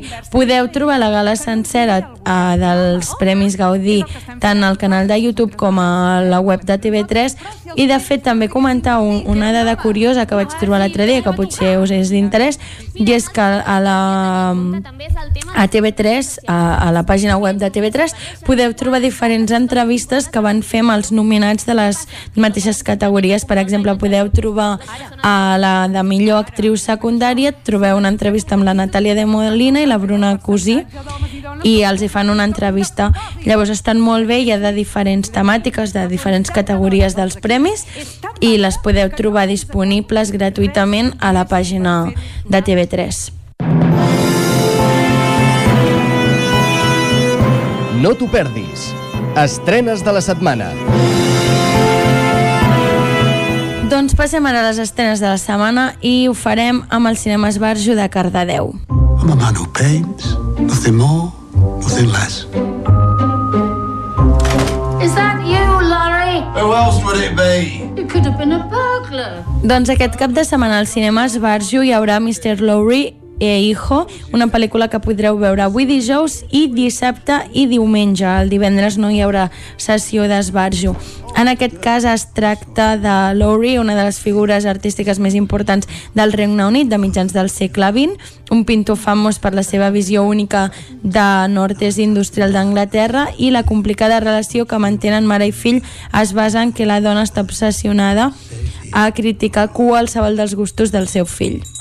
After a lifetime of being the world's most famous enemies, You can count on me like one, two, three. I'll Tom and Jerry there. are about to start over Cause that's what friends are supposed to do. Oh, yeah. in the big city.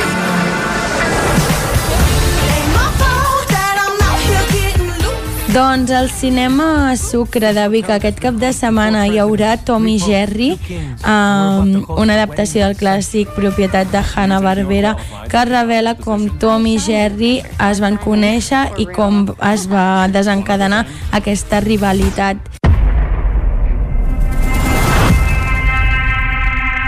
This is our only chance.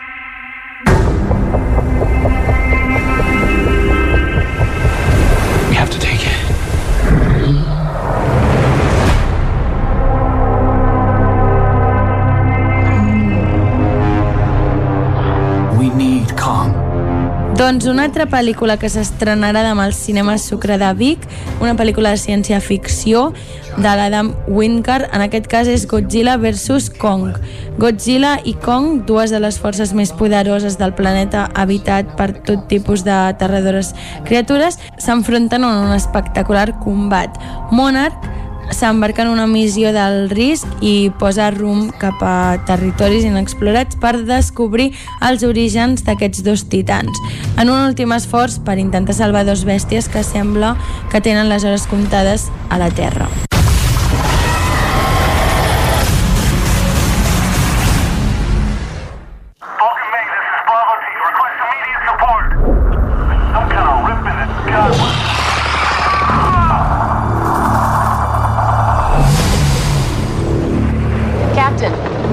Idea what those markers are?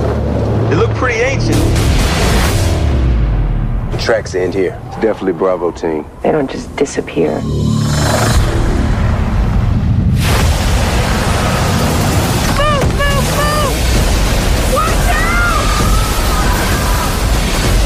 Doncs una altra pel·lícula d'acció i ciència-ficció que trobareu aquest cap de setmana és Monsters Hunter, del Paul Anderson, amb la Mila Jokovic com a protagonista.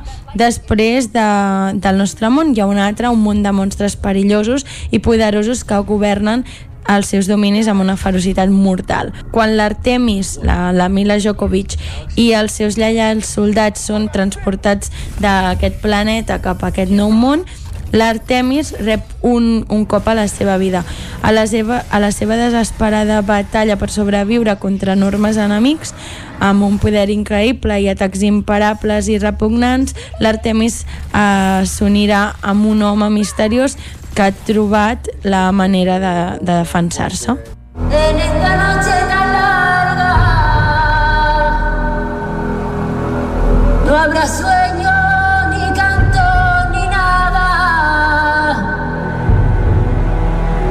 quiero tener su ala en busca de, de libertad.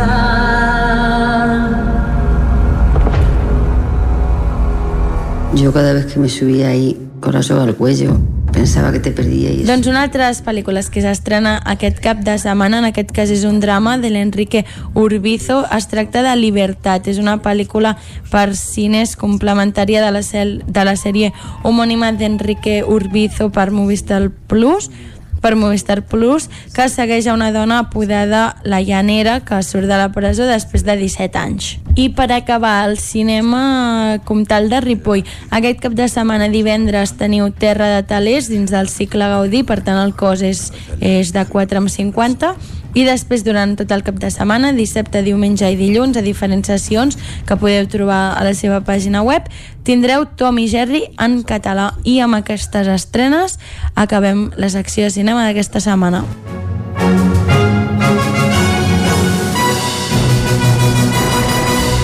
I quan són les 11 i 3 minuts del matí, deixem enrere el cinema i us tornem a acostar l'actualitat de les nostres comarques, les comarques del Ripollès, Osona, el Moianès i el Vallès Oriental. Territori 17, amb Vicenç Vigues i Jordi Sunyer.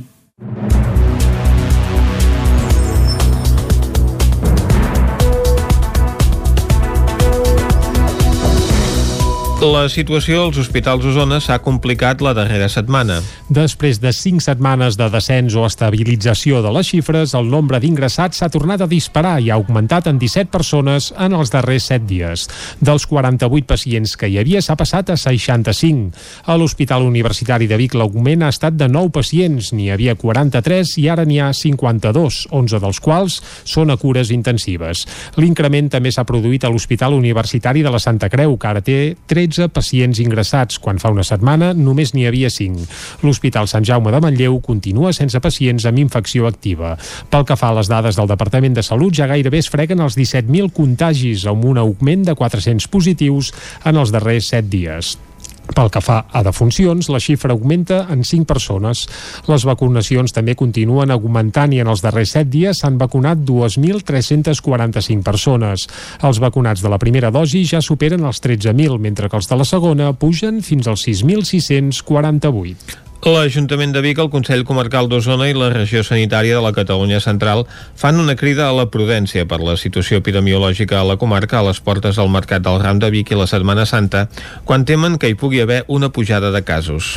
L'alcaldessa de Vic, Anna R, i el president del Consell Comarcal d'Osona, Joan Carles Rodríguez, i també la delegada de Salut a la Catalunya Central, Teresa Sabater, a més de la subdirectora de Salut Pública en aquesta regió sanitària, Ima Cervós, van presentar conjuntament ahir dimecres una campanya sorgida sorgida de la taula de salut comunitària que té per lema No abaixem la guàrdia i que consta d'una sèrie de vídeos de persones que expliquen la seva experiència amb la Covid-19. A Osona el risc, de, el, dis, el risc perdó, de rebrot és ara de 537 punts, un dels pitjors indicadors de Catalunya. El principal problema, indiquen les autoritats sanitàries, és la corba que està estancada i no baixa. La majoria de brots, el 80%, s'estarien produint a nivell familiar, amb el trencament del grup bombolla com a motiu principal principal. També es va recalcar que hi ha fatiga pandèmica, que les característiques de la indústria d'Osona fan difícil el teletreball en molts sectors i que a la comarca l'impacte de la variant britànica està sent molt elevat. Sentim en aquest ordre a Ima Cervós, subdirectora de Salut Pública de la Regió Sanitària de la Catalunya Central, i a Teresa Sabater, delegada de Salut i gerent en funcions de la Regió Sanitària Catalunya Central.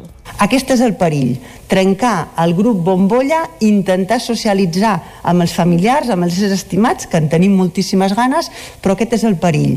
I per què afegim un altre perill al trencar aquesta bombolla? Doncs perquè a Osona, des de fa molts dies, estem dient que hi ha la soca britànica. La soca britànica s'ha confirmat que és més virulenta i és més contagiosa, que entenem que costa perquè portem més d'un any en aquesta situació i és complicat. Però nosaltres mateixos podrem veure que això no se'ns desmarxa a l'espera de tenir aquest bon resultat que esperem amb les vacunes i que ara hem tornat a, a, a, bueno, avui precisament s'ha tornat a obrir el Palau Firal del Sucre per tornar a vacunar com avançava Teresa Sabater, aquest dimecres a la tarda es va obrir el recinte Firal del Sucre, on s'ha reprès la vacunació contra la Covid-19 amb el vaccí d'AstraZeneca, que s'havia aturat de manera cautelar a l'espera d'aclarir la seva possible relació amb casos de trombosi. Amb l'ampliació de la franja d'edat, s'avisa perquè hi acudeixin persones del col·lectiu de serveis essencials d'entre 60 i 65 anys i també a la població general en aquesta franja d'edat. La campanya per donar sang orquestrada pel pels alumnes de sisè de l'Escola Pia de Mollà culmina amb èxit. Un total de 50 persones es van oferir i 43 van poder-ne donar. Caral Campàs, des d'una codinenca. El passat diumenge l'Espai Cultural Les Faixes de Mollà es va convertir en un recinte ampli i segur per donar sang. Des de les 10 del matí fins a les 2 de la tarda, els més grans de l'Escola Pia es van encarregar de tot el procediment des de la rebuda a l'espai com l'explicació de la importància de donar sang a la cinquantena de persones que s'hi van acostar. La iniciativa estava promoguda pel Banc de Sang i Teixits i es tracta d'un projecte educatiu que té com a fi una utilitat social. D'aquesta manera es combina el procés d'aprenentatge amb servei a la comunitat que va acabar amb la jornada de donació de sang que es va fer el passat diumenge. En aquest sentit, els alumnes han estat estudiant els components sanguinis i les diverses etapes que passa la sang un cop arriba al banc. A més d'aquesta formació mèdica i científica, també van crear la campanya de comunicació i van elaborar el cartell de la jornada amb l'eslògan Sang pots donar i tres vides salvar. Això vol dir que gràcies a aquesta campanya fins a 129 persones podrien salvar la vida. Detingut un home a Vic per robar dins de cotxes després de trencar-ne els vidres. La matinada de dijous passat, la Guàrdia Urbana de Vic va detenir un home, veí de Vic, com a presumpte autor de diversos robatoris a l'interior de cotxes al carrer Francesca Bonemacion de Vic. Dos veïns de la zona van alertar el cos policial al voltant de les dues de la matinada, després d'escoltar com una persona intentava trencar els vidres de dos cotxes tot llançant-los pedres. Segons un dels testimonis, el presumpte autor primer va entrar dins d'un tot terreny, on sembla que no va trobar res de valor i en intentar robar el cotxe que hi havia just al darrere va sonar l'alarma i es va escapar. Quan la Guàrdia Urbana va arribar al lloc dels fets no va poder localitzar el presumpte autor del moment, però una estona més tard, quan va tornar a intentar robar el cotxe que havia deixat a mitges, va tornar a ser vist. En aquell moment el cos policial va personar-se ràpidament al lloc del robatori i va poder detenir el sospitós. Segons la policia, només va robar en aquests dos vehicles. El viver de Belllloc reforma el seu centre ocupacional i engega una campanya de microfinançament per cobrir les despeses de la darrera fase d'equipament del centre. Al mateix temps anuncia la falta de places al Vallès Oriental. David Auladell, de Ràdio Televisió, Cardedeu. Les obres de construcció del futur centre ocupacional a Cardedeu avancen i encaren ja la darrera fase, en previsió d'engegar l'activitat al setembre. Segons ha avançat l'entitat, l'objectiu és tenir-lo a punt a mitjans de 2021 i ja hi ha entitats que esperen la posada en marxa d'aquest centre per poder derivar a les persones que han finalitzat l'etapa educativa i ara mateix no poden accedir al món laboral. El centre comptarà amb 16 places, construït gràcies a la col·laboració de Fundació 11, la Caixa, Grífols i l'Escola Germans Corbella, encara falta cobrir la segona fase que esperen destinar-hi al que s'entregui de la campanya de micromecenatge que han iniciat a Migrano de Arena. L'entitat ha aprofitat per criticar la manca d'equipaments d'aquest estil i afirmant que la situació s'agreuja en funció de la zona de residència, ja que quan s'aconsegueix una plaça s'ha de fer un trajecte llarg cada dia a un entorn comunitari que no és l'habitual. Destaquen que un centre ocupacional és un espai per donar oportunitats d'inclusió i el centre pretén evitar que l'alternativa sigui quedar-se a casa, oferint un servei diurn d'activitats que treballi les habilitats de les persones en augmentar-ne l'autonomia. L'entitat apostarà per crear xarxa amb altres projectes del municipi de manera que es potenciï al màxim la inclusió a la comunitat com un servei que consideren que manca a la Fundació per completar el ventall. Esports. Adam Yates fa un doblet en victòria d'etapa a Vallter 2000 i el lideratge de la Volta a Catalunya del Centenari. Isaac Muntades des de la veu de Sant Joan. El ciclista britànic Adam Yates va ser el més fort de la tercera etapa de la Volta a Catalunya del Centenari en final a l'estació d'esquí de Vallter 2000, al terme municipal de Set Cases, i va fer doblet amb una victòria d'etapa incontestable i el lideratge de la prova. El corredor de l'equip Ineos Grenadiers, que ja havia guanyat a Vallter a la Volta de l'any 2019, va superar tots els rivals per la victòria amb autoritat. Com era previsible, tot es va decidir a la pujada a Vallter, un port mític del Ripollès de categoria especial d'11,7 km de distància al 7,5% de pendent mitjana. El murcià de l'equip Movistar, Alejandro Valverde va atacar 9 quilòmetres i mig de la meta i va començar a dinamitar el grup. L'atac de Valverde va obligar a moure alguns dels galls, com Richard Carapaz, Dan Martin o Sepp Kuss. Tot i neutralitzar-lo, el veterà ciclista telefònic va tornar a atacar i es va formar un duet amb el seu excompany d'equip, Nairo Quintana, ara l'Arquea. Tot i brillar, Valverde va veure com Yates atacava amb força des del darrere i el va caçar amb el nord-americà Kuss a roda. D'aquest trio, Yates va demostrar ser el més fort, tot i un breu atac de Kuss. Al final, Valverde va acabar sent tercer per darrere del colombià Esteban Chaves, que va fer una bona embranzida final. Abans de tot això, el pilot va haver de caçar una escapada amb nou corredors en què el jove de només 21 anys, Taimen Arensman, va ser el que va arribar més lluny. Ara mateix, Yates és líder amb 45 segons d'avantatge sobre l'australià i company d'equip Richie Port i 50 sobre el portuguès Joao Almeida, que fins avui era el líder i a la pujada s'ha hagut d'espavilar ell sol per aguantar amb el grup dels millors. L'etapa d'avui, que tenia 203 quilòmetres i començava al Canal Olímpic de Catalunya, ha estat la primera d'alta muntanya i que ha passat pel Ripollès, concretament per les poblacions de Ripoll, Sant Joan de les Abadesses, Sant Pau de Segúries, Camprodon, Llanàs, Vilallonga de Ter i Set Cases. El pilot també va passar per algunes poblacions d'Osona com Perafita. Aquest dijous es disputarà la segona etapa en protagonisme del Ripollès, ja que aquesta comença a Ripoll. Els ciclistes, que hauran de recórrer 166 quilòmetres, començaran la quarta etapa a la zona de la Devesa del Pla fins al centre de la vila amb una sortida neutralitzada i tot seguit enfilaran cap a Camp de Bànol, Ribes de Freser, Planoles i ascendiran al port de Toses de primera categoria. Després ja sortiran del Ripollès per endinsar-se a la Cerdanya i la creuaran fins a la Seu d'Urgell. A partir d'aquí, els ciclistes pujaran al port del Cantó de categoria especial i acabaran l'etapa a dalt de Portainer, també de categoria especial. I fins aquí el butlletí informatiu de les 11 del matí que us hem ofert amb Vicenç Vigues, David Oladell, Caral Campàs i Isaac Muntades. Ara el que ens toca és fer res, una pausa de mig minut i de seguida saludem la Cristina Enfruns, que cada 15 dies ens ajuda a parlar una mica millor el català. La saludem de seguida.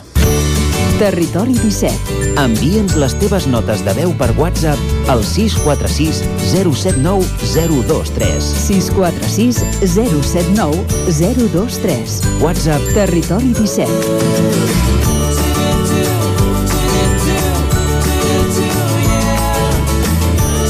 Territori 17. Som a Facebook, Twitter i Instagram amb l'usuari Territori 17.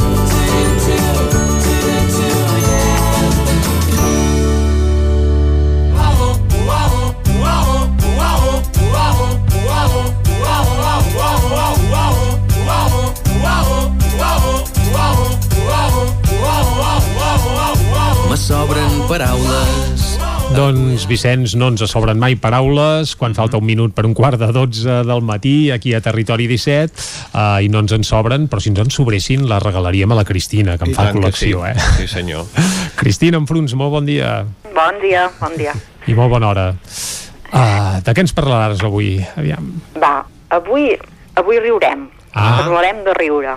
Vinga, fantàstic. Eh? Parlarem de riure i ho relacionarem amb les xarxes socials, evidentment. I ens preguntarem com riem a les xarxes en català. Eh? Podem afirmar que el castellà és l'única, l'única llengua al món que riu amb la jota, és a dir, fa ja-ja-ja. I, I hem de dir que eh, una gran quantitat de catalans doncs, fem el mateix, no? Fan servir la jota quan riuen en converses informals per escrit a les xarxes socials, com per exemple el Facebook, el, el Twitter o, o el WhatsApp. No sé si és el vostre cas, eh? Quan heu de riure. No, no, jo, jo ric a Mac. Sí, jo Ara- també, sempre, sempre. Ostres, doncs, que bé. bé po- doncs molt bé. Però a veure, us ho explicaré, eh? Expliquem, doncs, per què hem de fer servir la H i no la J per escriure el so que, que imita una riallada. Fixem-nos en paraules que comencen per J i les pronunciem en veu alta. Per exemple, diem jaqueta, jersei, i veurem que la manera com pronunciem jaqueta no és igual que la pronúncia d'aquest so de ja-ja-ja, no? En castellà seria el so de Jaume o de girafa, no? Per això s'explica que en català riem amb la lletra H i no amb la J. En aquest cas, la intersecció ja-ja-ja, és a dir, AK, AK, AK, esdevé una H aspirada, eh? no és A-A-A, sinó que sona com Hawaii o Holding o Hobby. Eh? Exacte. Per tant, haurem de riure amb H. I tal com mm, puntualitza el DIEC, que o sigui, és una, és una intersecció que està, eh, està inclosa dins del, del diccionari normatiu, eh? La manera correcta d'escriure aquesta intersecció serà, i apunteu-vos-ho, Ahà. Prenem AK. nota. Va. Mhm. AK en minúscula, exclamació, AK en minúscula, exclamació, i AK en minúscula, exclamació.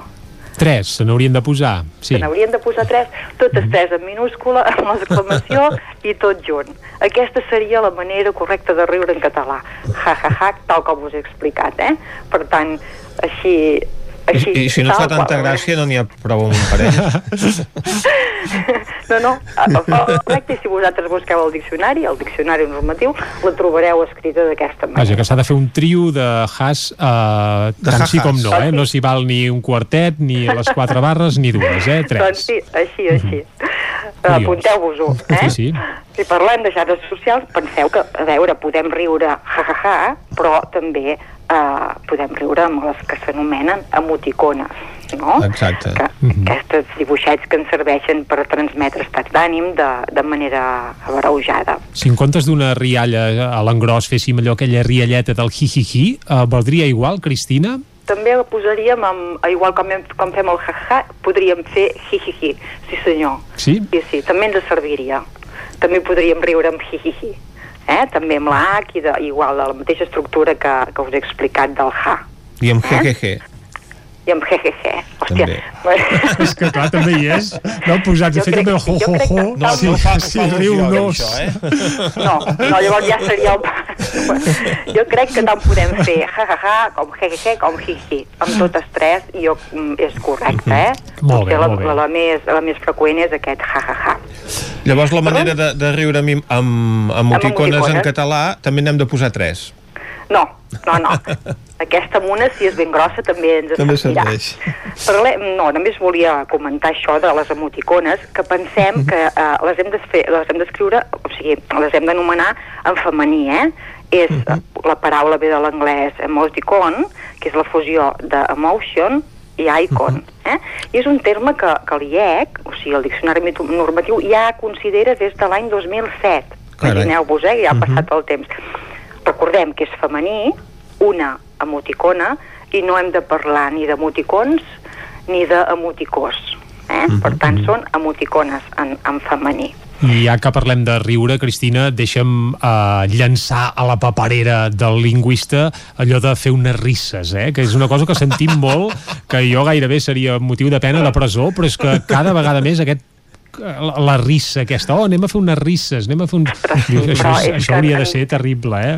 És terrible, Sí, no, no, molt, és eh? terrible és freqüent, sí senyor. Potser en el nostre parlar aquest de més, més a la nostra comarca, per dir-ho d'alguna manera, sí que ens fa mal, eh? ens fa mal a l'orella, Mhm. però és molt freqüent, sí, sí. Sobretot i fins i tot a tertúlies mitjans de comunicació és molt freqüent que surti aquesta rissa, sí, sí. També ens l'hem de treure del cap, eh? I què hem de dir? Anem a fer unes riallades? Anem a riure, és que hem de riure. Hem de riure i fer eh? Ara, tres cacagats, això segur. Molt bé. Doncs això, pensem en el jaja, pensem en, el, en, en l'emoticona i fer-la en, en femení i eh, aquestes emoticones que poden ser textuals, que serien aquelles que fem amb allò, que ja no el fem servir massa, però per exemple allò que fèiem amb, amb els, eh, els dos punts i el parèntesi tancat, eh, que era una, ria, una rialla també, o les, les emoticones gràfiques, que són aquestes eh, imatges que uh -huh. estan tan esteses ara, i, que, i recordem que aquestes emoticones també en podem dir emojis, eh? que seria un, un, un, un sinònim d'emoticona, emoticona, les emoticones i els emojis, eh? Uh, femení i masculí, però que així tenim una, uh, una paraula sinònima per no haver de parlar sempre de les emoticones. Emoticones i emojis, Emojis amb G. amb J, amb J, amb J. Com emojis en castellà, doncs Sí. emojis en català, uh ho escriurem amb, amb J i està, està ja al diccionari. Cristina, anem a riure una mica ara o no? Què et sembla? Jo crec que sí, podem Perquè ens, continuar por- rient. ens portes una cançó que si parem bé l'orella jo crec que ens partirem uh, de riure i segurament també hi trobarem algun... bé, al- algun parany lingüístic que aviam si interpretem. Què ens Va, hi vinga. llancem, sí? Vinga. És la cançó A poc a poc de l'Opau de Pons però ja veureu que aquest a poc a poc eh, jo crec que no és genuí de l'Opau de Pons però parem-hi bé l'orella i aviam què es patega per aquí, va Ai. How the ball. Oh no, oh no, oh.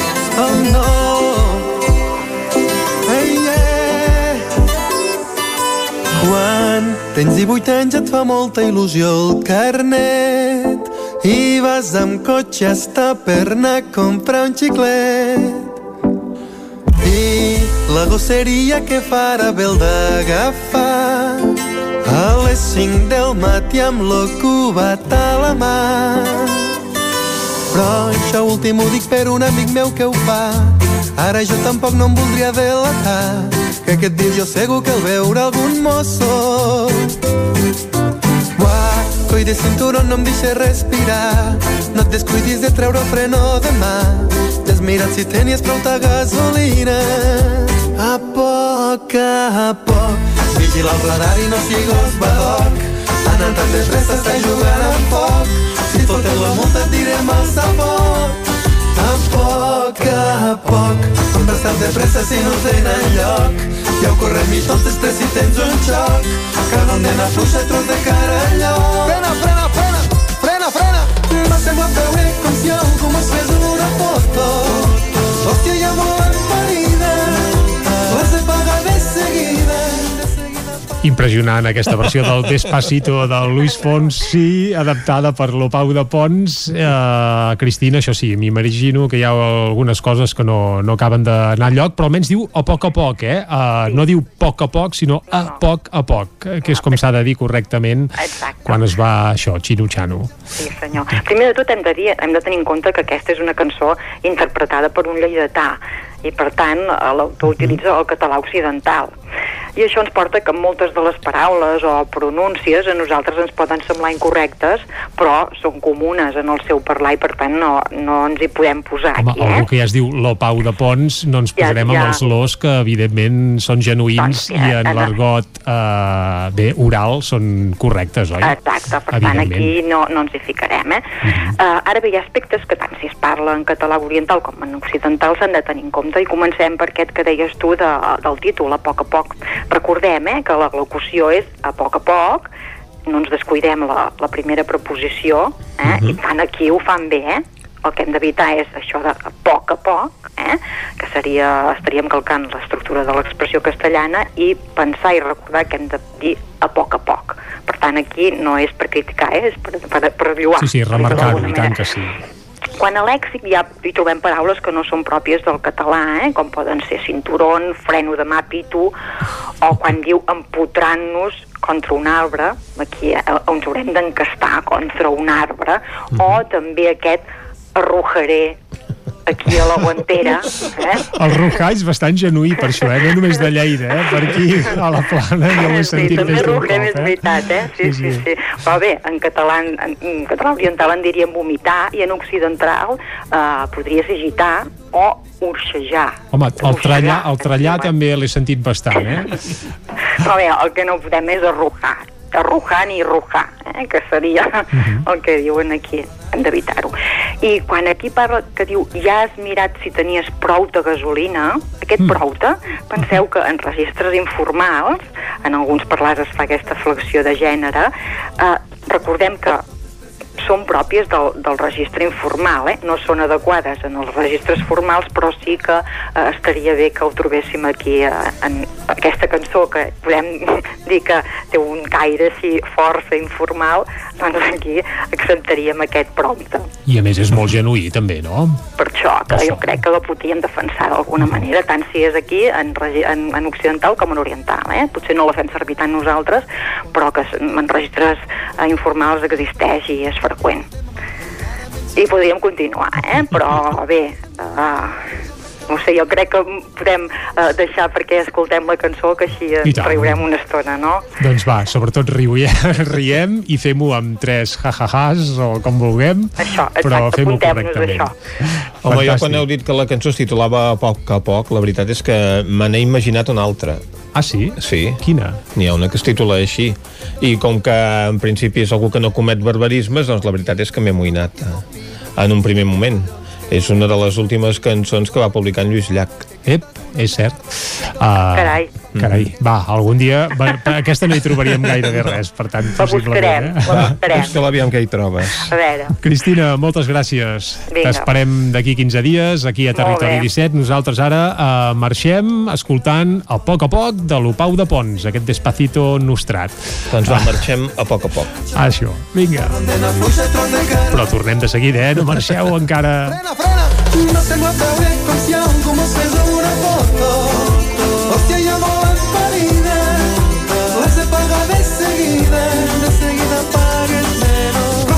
Rociada va se enteró. La otra se que es pa' trampa. Que hues de ruta, hostia santa. Que que te reveno Territori 17. Pintures Xavi Soler. Tot en pintures. Façanes, obra nova, rehabilitacions interiors de vivenda, estucs, microciments, pintura industrial, motllures, terres vinílics... Pintures Xavi Soler. Ens agrada assessorar-vos i fer de casa vostra el millor lloc del món. Ens trobareu a Manlleu, al carrer Sogorb 113, telèfon 616 15 87 33 o 93 851 3504. A Montse Estètic Vic celebrem dos anys. Tant si ets client nostre com si ens acabes de conèixer, gaudiràs de descomptes i promocions tot el mes de març. Aconsegueix un 2 per 1 en la depilació làser al portar un amic o amiga i enamora't gratuïtament de la presoteràpia mentre et fem un tractament facial. Cuida't més que mai. Ara amb el 20% de descompte en tots els productes. Vine a Montse Estètic i mima't. Ens trobaràs a l'Avinguda Pius 12, número 26 de Vic. Al telèfon 672 1704 23 i a la web montsestètic.com. Cocodril Club. Si t'agrada la bona música dels anys 60, 70 i 80, escolta el 9 FM als matins de dissabtes i diumenges d'11 a 1. És el temps del Cocodril Club, tot un clàssic de la ràdio, amb les bases del pop-rock, les llegendes, les cançons que s'han convertit en autèntics himnes. Recorda, dissabtes i diumenges al matí, d'11 a 1, al 9 FM 92.8. Cocodril Club, el programa revival de l'Albert Malla. Hasta luego, cocodrilo. Vols gaudir d'un bon arròs a casa sense no haver d'embrutar ni preocupar-te per res? La Fogonera, paelles per emportar. Un seguit de paelles, tapes, platets i postres casolans pensats per a paladars exigents. Ara més, fem menús per a petits grups de comensals. La Fogonera, la rosseria de paelles per emportar gurb i que també et portem a casa. Telèfon 93 851 55 75 i a lafogonera.cat.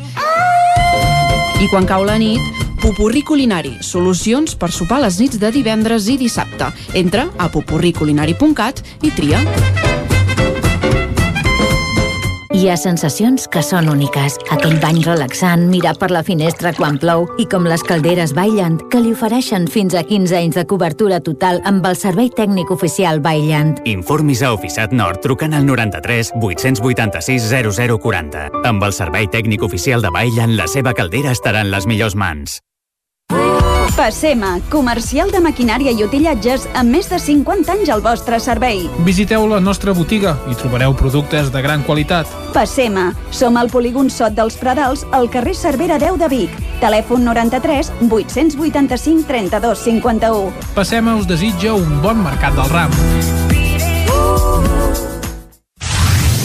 El nou FM, el nou FM, el nou FM, el nou FM, el nou FM.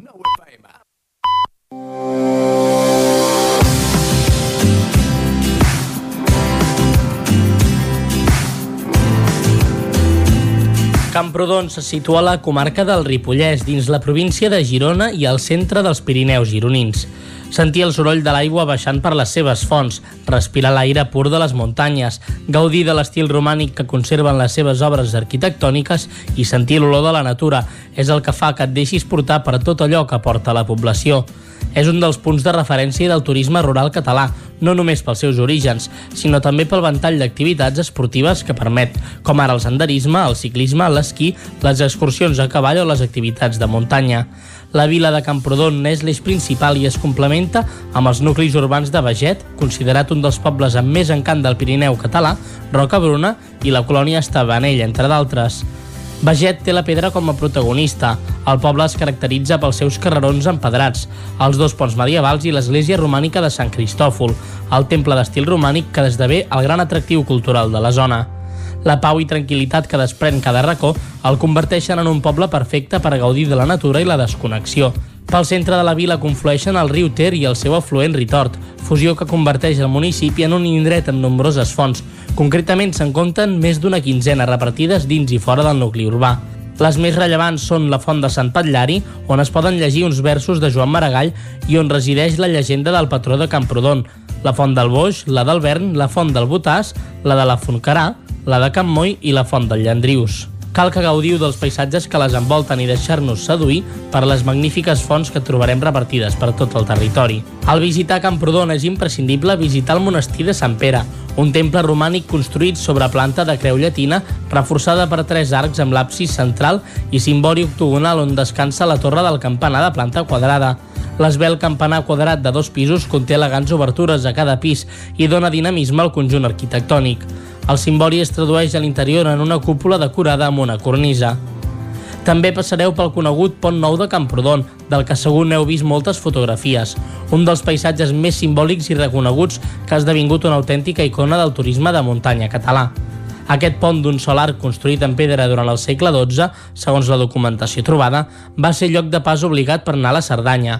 Reconstruït amb moltes modificacions al llarg dels segles següents, l'entrada fortificada, que es coneix també com la Porta de Cerdanya, era el punt final del camí reial que venia dels comtats alpirinencs en direcció al litoral gironí. Acabem amb l'espai natural del Passeig de Maristany, un passeig central amb una ampla avinguda, urbanitzat durant els anys 20 del segle passat flanquejat per fileres de més de 500 arbres als costats i lleugerament corbat. Va ser un punt de trobada del govern de la República en haver-hi la residència familiar del president Negrini.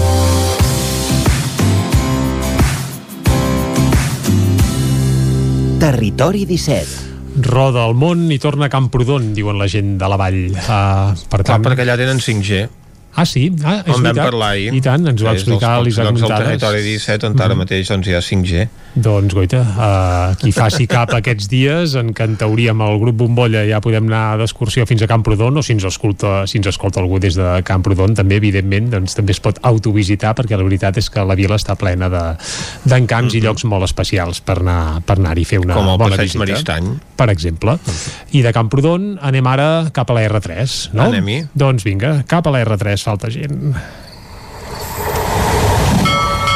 A Trenc d'Alba, edició pandèmia. Ara sense els usuaris que ens explicaven les seves desgràcies a la R3, però amb els mateixos retards i problemes de sempre. Benvinguts a Tren d'Alba. Avui barrejarem la literatura amb el tren i és que Rodalies de Catalunya ha impulsat el concurs de relats curts dones i viatgeres. Us explicaré una mica les bases per participar-hi. En primer lloc, hi podran participar totes les persones majors de 18 anys que siguin residents a Espanya. Les obres hauran d'estar escrites en català o castellà, ser originals i inèdites i amb una extensió màxima de 200 paraules, inclòs el títol de l'obra. El tema del concurs, tal com diu el títol, és dones i viatgeres i els relats hauran d'estar ambientats als trens de Rodalies de Catalunya i al seu entorn. No s'admetran obres amb faltes d'ortografia o escrites íntegrament en majúscules. Tampoc s'admetran aquelles obres que atentin contra l'honor de les persones o les institucions. Per a la seva admissió, en l'enviament dels relats hi haurà de constar les dades de l'autor amb el Twitter inclòs si se'n té, i es podrà participar amb un pseudònim, tot i que s'hauran de donar les dades reals en el cas de ser guardonats. Finalment, les obres s'enviaran exclusivament a través de la pàgina web de Renfe. El termini de presentació de les obres finalitza el dia 8 d'abril d'enguany. Dit això, ànims per participar-hi. Tinc uns quants cronistes que podrien plasmar la seva crònica diària en aquest concurs i segur que guanyarien. Són obres originals, perquè a l'R3 cada dia hi passen coses surrealistes i increïbles. Ara que hi penso, clar, no les admetrien perquè faririen una institució com és Renfe, perquè a l'obra segur que s'hi narrarien els retards del tren, les deficiències a les estacions, entre mil i un problemes més. Va, que demà us ho acabaré d'explicar. Hi haurà més històries del tren i de la R3. Territori 17. El racó de pensar, a Territori 17. Carai, ara resulta que Renfe promou concursos literaris i tot, eh? De relats curts, però. Sí, clar. Uh... Sí, amb, els, amb els retards que porten ja tens d'escriure una novel·la. Gaire, gairebé, gairebé.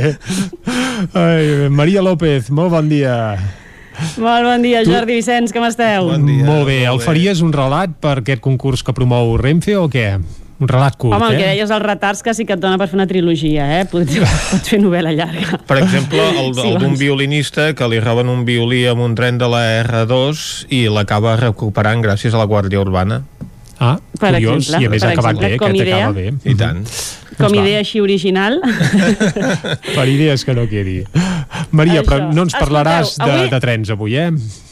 Avui no us parlaré de trens. I Mhm. d'entrada començaré, si us sembla, uh, és que us vull fer un petit joc. Ah. Ja la setmana passada vaig fer spoiler del tema d'avui, però d'entrada començarem amb un joc. Ara us posarem una música, val? ara Mhm. l'Òscar tira aquesta música, i a veure si em podeu dir d'on és aquesta cançó. Aviam.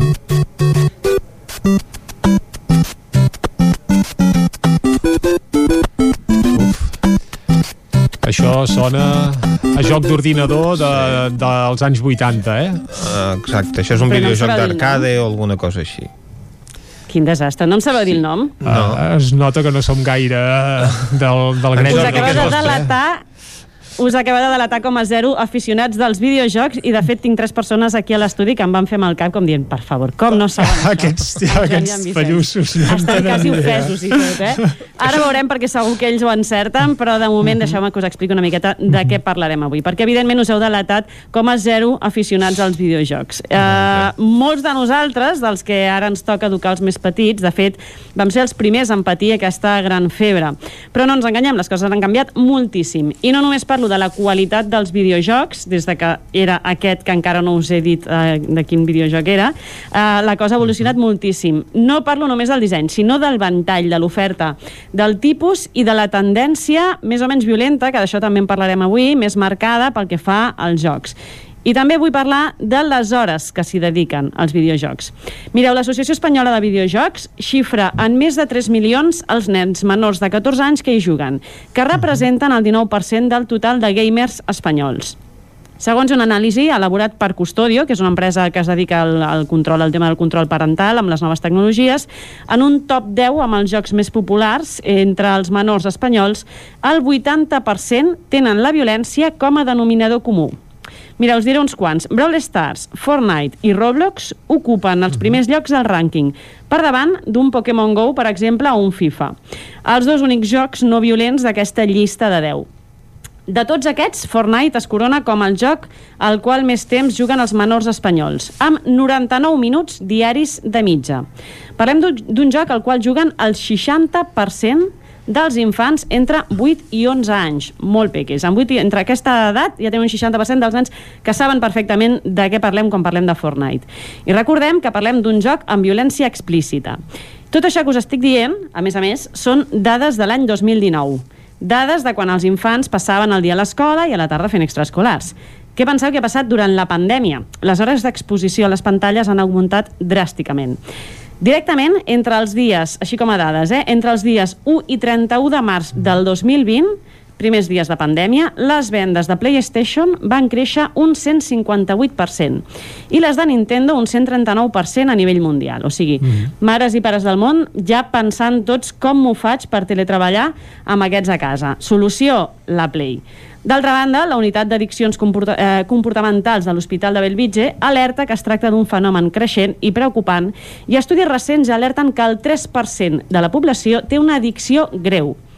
3% de la població és molta població amb una addicció als videojocs. I ara que ja tenim tots els, les mans al cap i ens estem allò com dient mare meva no ens hem ficat, recordem Uh, quants nens i nenes no jugàvem a guerres i a pirates quan érem petits, simulant violència en estat, en estat pur, sense que ningú li semblés que tots acabaríem sent pirates o fent la guerra allà on anéssim. Era com una cosa normal. Tampoc ningú comptava quant de temps dedicàvem a aquest joc, quant de temps dedicàvem a l'oci. Ningú ens feia mitges de minutatges de quant de temps passàvem jugant a la guerra. Uh, D'alguna manera, hi ha una, aquesta sensació de que els jocs eh, i els videojocs de manera eh, més violents, diguéssim, se'ls ha posat també aquest eh, rol o aquesta etiqueta de la cosa més perjudicial del món. És o no és perjudicial? Són tots els jocs aptes per totes les edats? Generen els jocs violents actituds violentes? eh, fomenten, que a vegades també s'ha parlat molt d'això, actituds antisocials, o al contrari, és la manera actual d'integrar-se amb la resta de companys. Com podem detectar, sobretot, quan el tema ha passat de ser una distracció a una addicció? Moltes preguntes sobre la taula i per respondre-les i comentar-les comptem amb super, tres superconvidats i una, bueno, dos superconvidats i una superconvidada tenim a la Mariona Graner, ella és bimara i professora investigadora a Educació i a Comunicació Audiovisual de la Universitat de Barcelona bon dia Mariona Bon dia. de fet ja ens va visitar en el seu moment la Mariona per sí. parlar de pantalles i adolescència, o sigui que avui tenim com segundo asalto. Eh? Tenim també en Joan Cook, ell és graduat en disseny i producció de videojocs i ens pot explicar moltes coses d'aquest procés i de la gran indústria del videojoc. Bon dia, Joan. Bon dia. I contem també avui amb l'Aaron Bansar, és el nostre company tècnic que fa les pràctiques amb nosaltres aquí a la ràdio, però abans és el nostre gamer per excel·lència a Ràdio Cardedeu i si algú domina de videojocs i de tendències és ell. Gràcies, Aaron, per estar amb nosaltres. Bon dia. Doncs escolteu, començo amb una de les preguntes que, que llançàvem d'entrada. No sé si penseu i esteu d'acord en que són tots els videojocs aptes per tothom? Perquè estem parlant que un Fortnite, que és un joc en principi amb la base has d'anar matant gent, hi ha un 60% de nens entre 8 i 11 anys, que són petits. Eh, és igual, no passa res, es pot mm, diferenciar perfectament, generen conductes mm, violentes. Mariona, com a experta... Comença tu. Què és el que nosaltres sabem ara dels videojocs? I en concret està molt bé que, que comentem sobre, per exemple, Fortnite, perquè és un, un exemple molt, molt potent, eh? juguen molts infants al Fortnite, és veritat.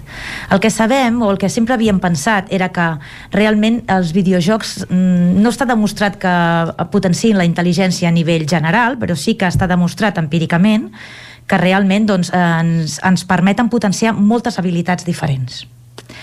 I fins ara, molt, molt sovint pensàvem que no tots els videojocs tenen aquesta qualitat, o no amb tots els videojocs podíem aprendre.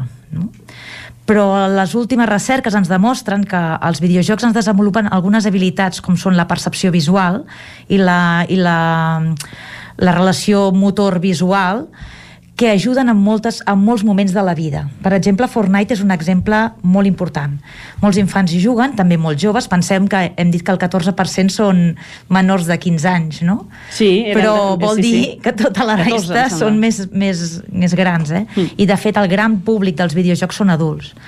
El fet d'uti- d'utilitzar aquest tipus de jocs, que a vegades són jocs pensats per matar, fa que els infants desenvolupin algunes habilitats importants, com aquesta percepció visiomotor que estàvem dient, però a més hi ha altres eh, qüestions importants com és tot el que fa referència al raonament, a la presa de decisions, a vegades ràpida, no? a vegades amb temps per pensar, però a vegades ràpida, a l'haver d'utilitzar diferents variables simultàniament per poder arribar als teus objectius, a aprendre a rectificar, a aprendre dels errors, no? I aquests processos d'aprenentatge ens ajuden a desenvolupar competències que són molt importants al llarg de tota la nostra vida. Per tant, eh, cal que els infants juguin a videojocs? Doncs sí, i els adults també estaria bé que juguessin. Eh, és dolent? Bé, és dolent en una mesura. Hi ha, sí que hi ha eh, moments d'alarma que haurien d'estar a la guait els pares.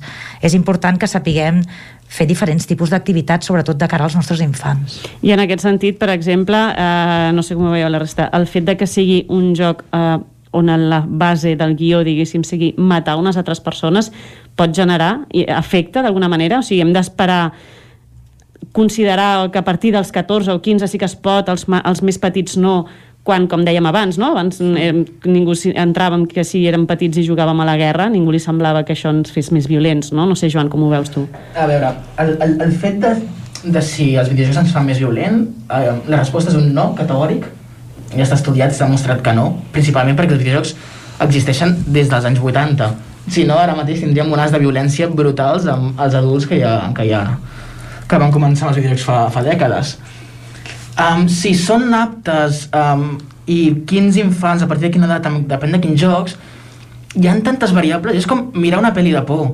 Si hi ha els pares allà pues, amb l'infant acompanyant, um, si els pares també s'informen de quin joc juguen, um, clar, aleshores el, el límit canvia molt i també de l'infant, um, si li agrada o si no, quin tipus... És que és tantes variables que jo crec que també és interessant veure el, um, les empreses per quin, per quin target, o sigui, per quin públic busquen.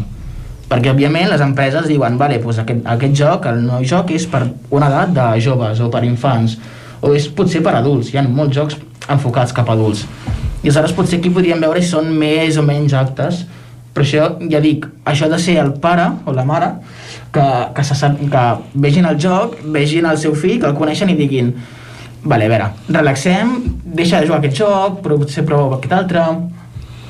Potser també una de les diferències, perquè per exemple, com a dibuixos, eh, molts hem vist Bola de Drac, que també eren com de, e- e- eren dibuixos per petits i hi havia baralles explícites i no passa res. Potser la diferència hauria de ser més quasi com es fa la classificació de, de pel·lícules, no? I si ha, per exemple, entrem en, ja en temes de sexe, de drogues, una sèrie de coses que potser Sí, sí. En, en, en un bola de drac sí que podien quedar més diluïdes, tot i que sí que hi havia coses que també era molt, molt de, s'han de debatre molt, però potser aquesta diferenciació quasi com de pel·lícula, no? Aaron, així d'entrada, tinc una pregunta que encara no havíem resolt. De quin videojoc era la cançó de l'inici de la intro? Ah, Super Mario Bros. I a més ens hem portat a, a, to- aquí a les mans del cap Jordi Vicenç per allò de... No, no sabien que era Super Mario. És que- és que és clar. més clàssic, eh? No, no hi juguem No, no. nosaltres aquestes coses, com s'ha pogut demostrar. Aaron, tu a quins jugues tu actualment? Ara, sobretot, estic jugant bastant a l'NBA. Ara m'estic aficionant una miqueta al bàsquet. Però generalment jugo NBA, FIFA, Fortnite, també jugo. Vaig variant, depèn... També depèn dels meus amics, també una mica el que juguin ells, pues, també m'adapto una mica. Va variant, això. Amb això em, em poses eh, en clau un altre tema, no? que és precisament aquesta visió del jugador com un ésser quasi antisocial, tancat a la seva habitació, però actualment sembla que és quasi al revés, no? que la manera precisament que tens de sociabilitzar amb els teus companys és a través del videojoc cadascú des de casa seva amb els cascos i de poder parlar, perquè igual si surts al carrer quasi que estàs sol, com qui diu, no? Tu, d'alguna manera, mires sempre de coincidir amb gent? Aviam, sempre, sempre, sempre no. Prefereixo, evidentment, jugar amb amics, és més entretenit, però hi ha, hi ha vegades que jugo sol a la meva casa tranquil, m'estic fent un joc, un, un Charted, per exemple, que és un joc així història, que és més una història que te la fas tu a casa i ja està. Això prefereixo jugar sol que no pas amb amics. Però sí que el Fortnite, per exemple, és un joc més en equip, es pot jugar en solitari en equip, i sí que prefereixo jugar en equip, però perquè això se- se't fa més entretingut tot, no t'avorreixes tant. Quantes hores dediques, jugues cada dia aproximadament? Dues, dues i mitja, més o menys. Dues, dues i mitja. Això ja sigui entre setmana, caps de setmana, és igual, cap de setmana sí, més bueno, potser. cap de setmana sí que potser més, però perquè tinc més temps lliure. Uh -huh. Una de les que es parlàvem abans precisament d'aquests fets de violència, no violència, de, de com fer aquesta classificació, com decidir, que no és gens fàcil, però un altre dels temes que també han sortit una mica a la pretertúlia eh, ja no és només el, aquests fets de violència, sinó els rerefons masclistes que moltes vegades tenim en els, en els videojocs. Uh, la Mariona i el Joan van fer que sí, com super segurs. Mariona, d'això en saps, eh? No, hem mirat una miqueta, sí, hem estem estudiant, sobretot quan veiem a què juguen els infants i els joves, no? Però sí que és veritat que els sistemes de classificació actual de videojocs específicament segueixen diferents, hi ha diferents estils però el que està més utilitzat és PEGI o PEGI, no sé com es pronuncia, pronunciaria, però es basa en classificar-los només basats en els continguts i, i sobretot en continguts dolents, és a dir, hi ha drogues o no hi ha drogues, hi ha sexe o no hi ha sexe, hi ha paraules eh, dolentes o no hi ha paraules dolentes, no? en paraulotes i això no és un, un bon sistema de classificació deixa fora moltes coses no? aleshores els pares també a vegades simplement veuen doncs, pegui 3, pegui el que sigui i ho compren pensant doncs, que és un bon joc a vegades mm, el fet de que sigui un joc violent no vol dir que sigui bàsicament negatiu i a vegades un joc que, està, que no és violent no? a lo millor no aporta res a la nostra manera de, als nostres processos mentals o al nostre aprenentatge no? per tant la classificació no és molt vàlida però sí que existeix aquesta i Fortnite precisament agafa un doble exemple que estaves dient abans perquè val la pena és un dels jocs que juguen més noies perquè els perfils que hi han de jugadores, els personatges que surten i les skins que pots utilitzar són precisament també pensades per noies i nenes. Per tant, hi ha més nenes i més noies que hi juguen, però el, normalment en els videojocs, el, tant en els personatges com el paper que juguen els personatges femenins en els videojocs, no deixen molt d'espai a, a, la, a, la, a la participació més femenina, no? És com si estiguessin ja pensats per nois. Joan, estàs d'acord amb això? Aquí vo- volia fer un incís, perquè o sigui, el tema masclisme i videojocs és un melón important. Sí, sí. perquè tant a nivell de com són els jocs, um, que hi ha pues, el, com es mostren els personatges, etc hi ha molt, i també interna a la indústria, quan es produeix, que és una cosa que s'ha de dir, dins de la indústria s'estan fent molts esforços uh, per canviar-ho. Vull dir, es pot discutir si són suficients o no, perquè el marrón és brutal, um, però sí que cada cop van sortint més jocs importants, um, el The Last of Us 2, per exemple, el, el personatge, el, el protagonista és un personatge femení i a més un personatge que està super fibrat, amb molt, amb molt en forma i va portar molta controvèrsia perquè hi havia penya en plan dient oh, és que no és super femení i tu, perdona. Um, Sí, sí. i també altres jocs, um, per exemple l'Horizon Zero Dawn de, de Play 4 que és un joc preciós i una protagonista és un personatge femení que es passa el dia lluitant contra robots o sigui, és espectacular Aleshores, dins la indústria cada cop s'està intentant anar més en compte de dir, vale, vigilem el que creem, intentem mirar noves visions i no quedar-nos amb un personatge um, masculí superfibrat, um, típic exemple de home d'acció dels anys 90, diguéssim. Aleshores, Sí, sí, quan, les, quan això sigui una miqueta més normalitzat, jo crec que les noies tindran un altre paper com a jugadores i com a crítiques de videojocs i, i també es promocionarà també que aquestes noies entrin en la indústria com a creadores de videojocs. No? Jo recordo de fet un dels 90 i pico, l'Street Fighter 2, aquest jo havia jugat, i de tots els jugadors de les baralles, de les tornejos de lluita que hi havien, tots eren nois, menys, menys una, que era la Chun-Li, que era l'única guerrera allà fent les lluites, però a més quan jo jugava amb els meus germans és com que es donava per fet que jo havia d'agafar el personatge femení, perquè com ets una noia has d'agafar el personatge femení, Clar. no? I, I això també crec que és una cosa que ha anat canviant. Arona, en el vostre cas, per exemple, quan mireu de quedar amb diferents eh, companys per jugar, hi ha noies amb aquest grup? Eh, no. Tot nois, eh? Sí. Sí que, bueno, tinc, tinc una amiga, que és l'única que conec que juga, juga al Fortnite, és, bueno, és, és el que han dit, que és el joc que més noies juguen, però en el grup d'amics normal i corrent que juguem cada dia i tal, no, no hi ha cap noia. La majoria, bueno, és el que dèiem, Els aquesta tendència, també, no? eh? juguen nois, nois tot, amb nois. Tot grup de nois, eh? això en, en, en l'edat juvenil, diguéssim. En, s'ha de dir que hi ha un percentatge de, de dones jugadores enorme de més del 40% del global de jugadors del món que són dones perquè tot l'espectre de dones adultes de, de 40-60 diguéssim és enorme um, jocs de mòbil com Candy Crush i així és, és brutal quin, quina retenció de dones agafen Però a més a més és un perfil amb un poder adqui- adquisitiu que segurament el perfil més juvenil no té, no? Exacte. En, en general, el perfil més juvenil tendeix a utilitzar més... Bueno, té temps, pot esperar, que en molts jocs utilitzen la tècnica de oh, has d'esperar, o de mirar vídeos que donen premis, i en el cas de pues sí, el públic adult de 40-60 que té el poder adquisitiu per gastar-se diners, ja sigui masculí o femení, és igual. A la introducció del programa havies donat unes dades, però eren dades de l'any 2019, abans d'una pandèmia mundial, i on el temps eh, que es dedicava o que hi havia per aquestes coses potser no era tant, i de cop arriba una pandèmia mundial. Què ens passa, Mariona, a casa, quan ens trobem en aquesta situació? No, sí que, de fet, ens ha passat a totes les cases que els nostres infants estan a casa i els hi estem deixant molt de temps amb la pantalla, no? I els adolescents també. I també els adolescents han creat una sensació o una situació per la que ja se senten còmodes connectant-se amb els amics per la pantalla i a vegades no, no tenen contactes físics, inclús ara que ja poden sortir al carrer, més enllà del que tenen a l'institut o quan a l'equip d'esport que juguen o a, o a les seves extraescolars i encara ara els estem retenint molt a casa, que no poden sortir, que tenim unes hores no, de tornada a casa determinades, que no podem sortir del poble o del barri, i es manté aquesta idea, aquesta sensació de que els nens poden estar més estona a casa. Què fan a casa? Pantalles.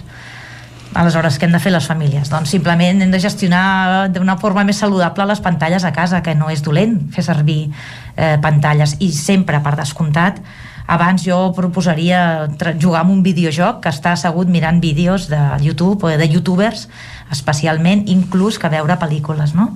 fer que el nostre cervell estigui actiu sempre serà una bona opció ara gestionem-ho d'una forma que sigui responsable i educativa Aaron, de- tu com a exemple, com a gamer, vas canviar molt la quantitat d'hores que jugaves durant la pandèmia? Sí, sí, perquè... Bueno, sí, jo, jo, jo normalment sí, sempre surto, sempre quedo amb els amics i tal, i clar, et veus en un moment de... Va, estàs, a, estàs la tarda, te'n vas a jugar a futbol o vas a donar un amb els amics, llavors a cop i volta et tanquen a tu casa, tens que estar a les 24 hores a casa, doncs sí que les hores de, de jugar augmenten i tot. I clar, al no anar a l'institut i tot, jo, jo sé d'amics, bueno, gent de la meva classe, que mentre fèiem les classes online, tenien allà la classe i jugaven a la Play, a la classe de fondo, saps?